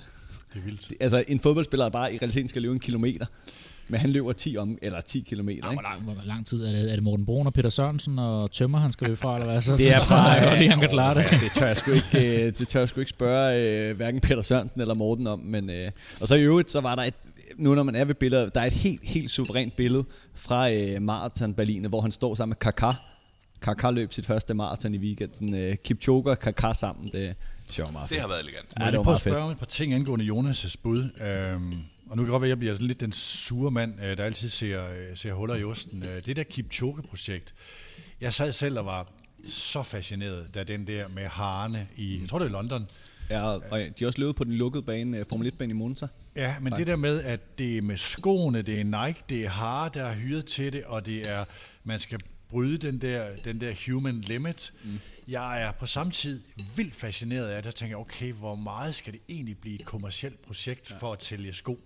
Og går der noget af, apropos kærlighed, jeg synes, åh, det er fascinerende, men det er også, det er også øh, ja, urovækkende, eller hvad, jeg ved ikke, hvad, jeg ved ikke, hvad jeg skal bruge til det, men jeg har sådan nogle ting, der, der er lidt stritter på det. Men jeg kan egentlig godt, det, det er jo også det der med udstyr, ikke? Altså, det er jo lidt ligesom med fodboldstøvler. Altså, det bliver jo også vildere og vildere, ikke? Og jeg kan bare sige, nu har jeg en del løbesko efter, når jeg har de der Nike-løbesko på, det er bare meget nemmere. Altså, det er utroligt, hvad udstyr kan gøre, ikke? Altså, jeg ved bare, at de dage, hvor jeg har min Nike på, De sko har jeg sgu så aldrig fundet, Jonas. dem skal du altså, nej, men de er også, de Jeg synes, godt, mine tider var dårlige lige meget, hvad jeg løb i. nej, bare det der med at løbe fra den ene dag til den anden med forskellige sko, det er, det er helt vildt, hvad det kan gøre. Hvad koster sådan nogle sko, Jonas? Ja, jeg tror, at mellem 1700 og 2500 Okay. og sådan noget. Det er jo fodboldstøvler. ja. Jeg har lige et spørgsmål mere. Øh, nu siger du det her med Victor- Axelsen, og vi ja. har Ja. lige diskuteret Elstrøm og, mm. øh, og, og Eskild Ebbesen. Altså, kan Victor blive den største Dansker nogensinde? ja, atlet? Han kan i hvert fald komme derop af. Fordi jeg, jeg har, tror, jeg har ligesom Jonas. Jeg kan godt lide, når danskere kommer op og kan konkurrere med de bedste og slå de bedste en gang imellem. Victor Axelsen, han er den bedste. Og det er ikke engang tæt lige nu, altså i disse år. Han er bare den bedste Han i en sportsgren, som er m- mega populær i de befolkningsmæssigt største lande i verden. Der smadrer han bare det hele. Jeg synes, man bliver nødt til, når man taler om det her med de, de største atleter i verden, så bliver man nødt til også at kigge på, det er meget sødt, der er en eller anden svømmer, der, der har vundet, jeg ved ikke, hvor mange guldmedaljer og sådan nogle ting. Men hvor, er men, meget hvor, sej, men, men, hvor store, men hvor store er de her sporter? Ikke? Og Victor Axelsens sport, den er kæmpe stor, fordi ja. den er i, i Asien er så vanvittigt stor. In Japan. Han konkurrerer, han konkurrerer mod, mod millioner, millioner, millioner, millioner, altså nærmest milliarder. Ikke? Men jeg og det, synes og det, bare, det det gør du ikke, ja. hvis du er god til at også med al respekt for, for, for, for, for Eske Leppesen og, og Paul Ølstrøm. Altså, Men det bliver hvor, også hvor mange bare, sejler, hvor, Jamen, hvor mange er I i de der både? Altså. Men det er også det der med, at det, det er jo... Det, Det der badekar, det er, det er jo, godt, øh, altså, det hele er jo subjektivt, men jeg har snakket meget med nogle af mine kammerater i år, det der med bare sådan noget så simpelt som årets danske sportsnavn. Mm. Altså skal det være Victor Axelsen, eller skal det være øh, Victor, Jonas Vingegaard eller Victor Axelsen, eller skal det være Christian Eriksen, der bankede den ind 17. december, 18. december i finalen. Ikke? Altså, den er jo lidt svær. Altså, jeg stemmer jeg jo nok på Christian, øh, også på, i forhold til subjektivt og sådan noget der, men jeg, hvis jeg skulle vælge mellem Jonas Vingegaard og Victor Axelsen, så vil jeg jo bare vælge, uden tvivl, Victor Axelsen. Og min kammerat, der sidder over for mig, øh, ikke der i dag, Kenneth, men den anden, altså, han vil bare sige Jonas Vingegaard, ikke? Altså, Victor Axelsen, han vinder bare det, han går ind i. Jeg tager Ife Lundberg, han har været i NBA. ja, men jeg synes også, det er interessant med Victor Axelsen, at, at han har jo egentlig ikke de fysiske forudsætninger til at være verdens bedste Det har han givet sig selv jo. Han har jo ja, været med til at men- ændre, men, hvordan hvis du du spiller siger, badminton. Okay, hvis du siger, hvad er en god badmintonspiller? Det er de der små vævre øh, asiater der, og, og ufattelig hurtige og sådan noget. Men Nej. han er også bare hurtig, samtidig med, at han er 91 høj, eller hvad han er. Og som du siger, han er, han er jo gået, altså de der træningsmetoder, gået den ekstra mil for at finde de der små procenter. Altså med, med Victor har, altså apropos alt det her med, med etikken og sådan nogle ting, han, han, jeg har to diskussioner, eller en diskussion kørende med mig selv altid omkring Victor Axelsen. Altså det der med at melde sig ud af fællesskabet på træningscenteret, Team Danmark og Juhai og sådan noget af landsholdet, og tage til Dubai, versus den der fuldstændige determination, som, jeg tror ikke, altså Victor er ikke dum, men altså han gør jo det her for enhver pris, for at optimere min karriere så meget, som jeg kan, og det er der, det skal ske. Og jeg siger ikke noget er rigtigt eller forkert, men, men, men det er bare en diskussion, jeg har i mig, og normalt ville jeg jo være sådan sætte stempel på ham og sige, at han har meldt sig ud af fællesskabet og gået over til de onde for at optimere sin egen karriere.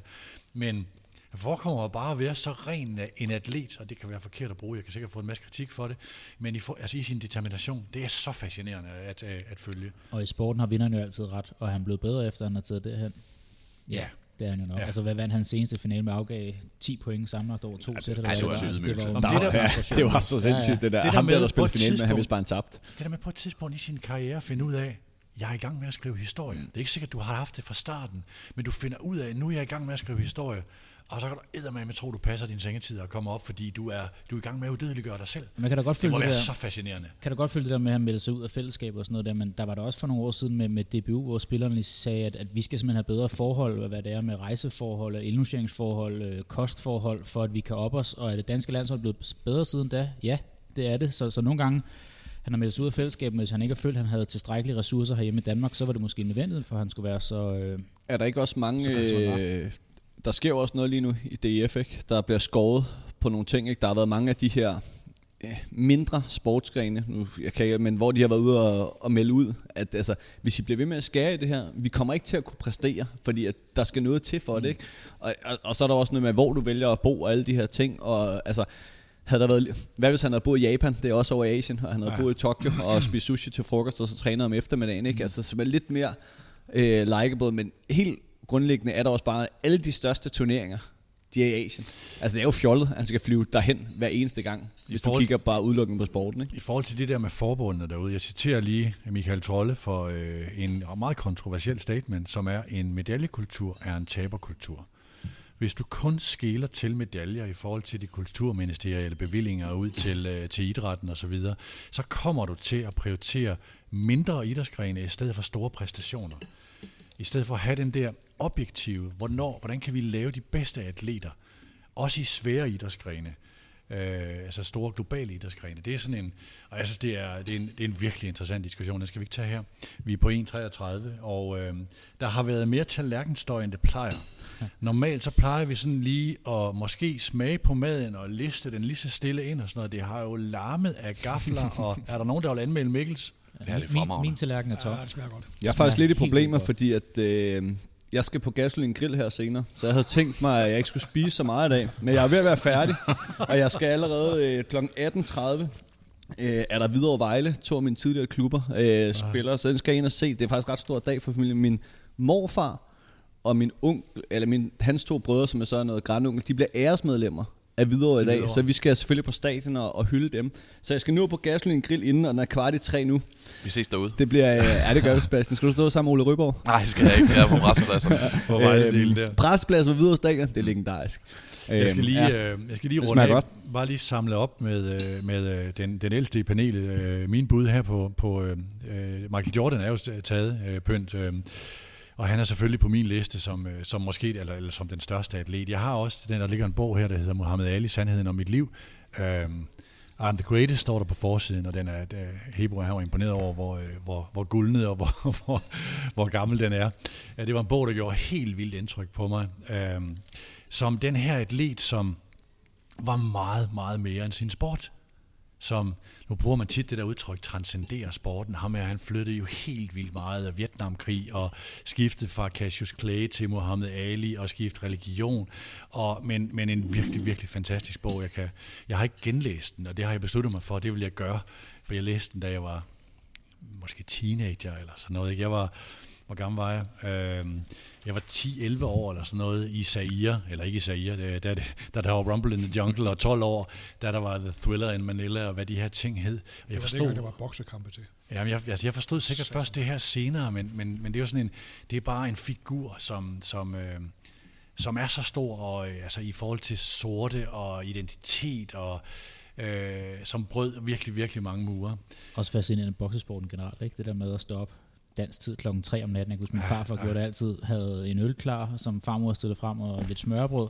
Så kunne der gå halvanden minut, så var ham den ene banket i kanvasen, og så kunne han gå i seng igen. Og det var de store kampe. Ja, ja. Det var dem, der var færdige efter et eller andet minut, ikke? Ja, det var en år tid med Mike Tyson. Det var, Ja. Der var lige de der år med Mike Tyson, hvor man stod op for at se Der fik man ikke value for money. 53 sekunder. eller sådan noget. to timers opvarmning. Og så har jeg også Serena som den, øh, som den, som den sidste atlet, eller som den kvindelige atlet. Øh, og måske, apropos altså den her med styrke og Navratilova, vil vi en dag få en historie om, at den der vilde styrke ikke var naturlig. Men indtil da, så har hendes historie nogle af de der karakteristika, som alle historien også har. Altså, den der udsendelse, som du også refererer til, Jonas, al den vrede, Anders Hård Rasmussen, den ligger i Søg på Sport og Perspektiv, og al den vrede, Serena, øh, hvor Anders fortæller om den bog, han har skrevet om det, og coveret med arbejde med det, og sådan noget dybt, dybt fascinerende historie. Altså i en, en, en kvinde, som vi jo sådan lærte i Danmark at kende igennem hendes venskab, som det jo var med Karoline Wozniacki, og de der to meget, meget, meget forskellige kvinder øh, med fantastiske karriere, men Serena er bare sådan så meget større, øh, og ikke kun i fysisk forstand, men større end sporten. Altså en, en, øh, en fantastisk atlet, som, og jeg, jeg er dybt fascineret af dem, der rækker ud over sporten og gør ting, som, som, øh, som øh, gør andre ting. Øh, Mikkel, jeg kigger lige over på dig. Øh, Udover alle roserne for, øh, for risottoen med svampene, som, øh, som var en kamufleret havregrød på verdensklasseniveau. Hvad, hvad, Kamufleret havregrød. Stærk risotto. hvad tænker du så om atleterne? Lige for at runde grøden af, så blev jeg blev også enig med Sebastian om, at en grød er en grød, uanset hvor fancy den er. Så det var sådan, ja. Okay. Øh, jamen, altså, alle de store er jo nævnt. Øh, jeg, jeg jo vokset op med øh, Tom Christensen som et stort navn. Mm. Mm. Øh, og må man ikke tage noget fra motorsporten, det er jo omtrent lige så øh, fysisk krævende, som så meget andet er. Så det, han, han er højt på min liste, men ellers så, så vil jeg sige, der er også mange af de navne, der har været, som også er gået igen op i mit hoved. Vi kom vidt omkring. Jeg ved ikke, om vi kommer til sådan en, øh, om vi skal gøre som i kongerækken, eller placere en på hylden. Det tror jeg, vi skal lade være med. Jeg håber, vi har inspireret til øh, at selv tage diskussionen derude. Jeres bud er mindst lige så gode som vores. Det her har jo været, når man kan høre, dem vi har været igennem, det er stærkt subjektivt, og det er dem, der har rørt os mere end den objektive. Og så øh, har det også været et formål at formidle kærlighed. Vi elsker sport. Den giver os så meget, ikke bare fodbold, og jeg håber, at der har været kærlighed i luften i dag. Tak til panelet. Tak til Mikkel. Tak til Mile Emma Besser. Det var øh, risottoen også i dag. Lidt ligesom atleterne og samtalen i dag har vist. Mange af de her atleter, de holder længe, lever længe i vores hjerter. Du har været med til fredagsfrokost. Vi ønsker alle en god weekend. Vi er Mediano, og vi høres ved.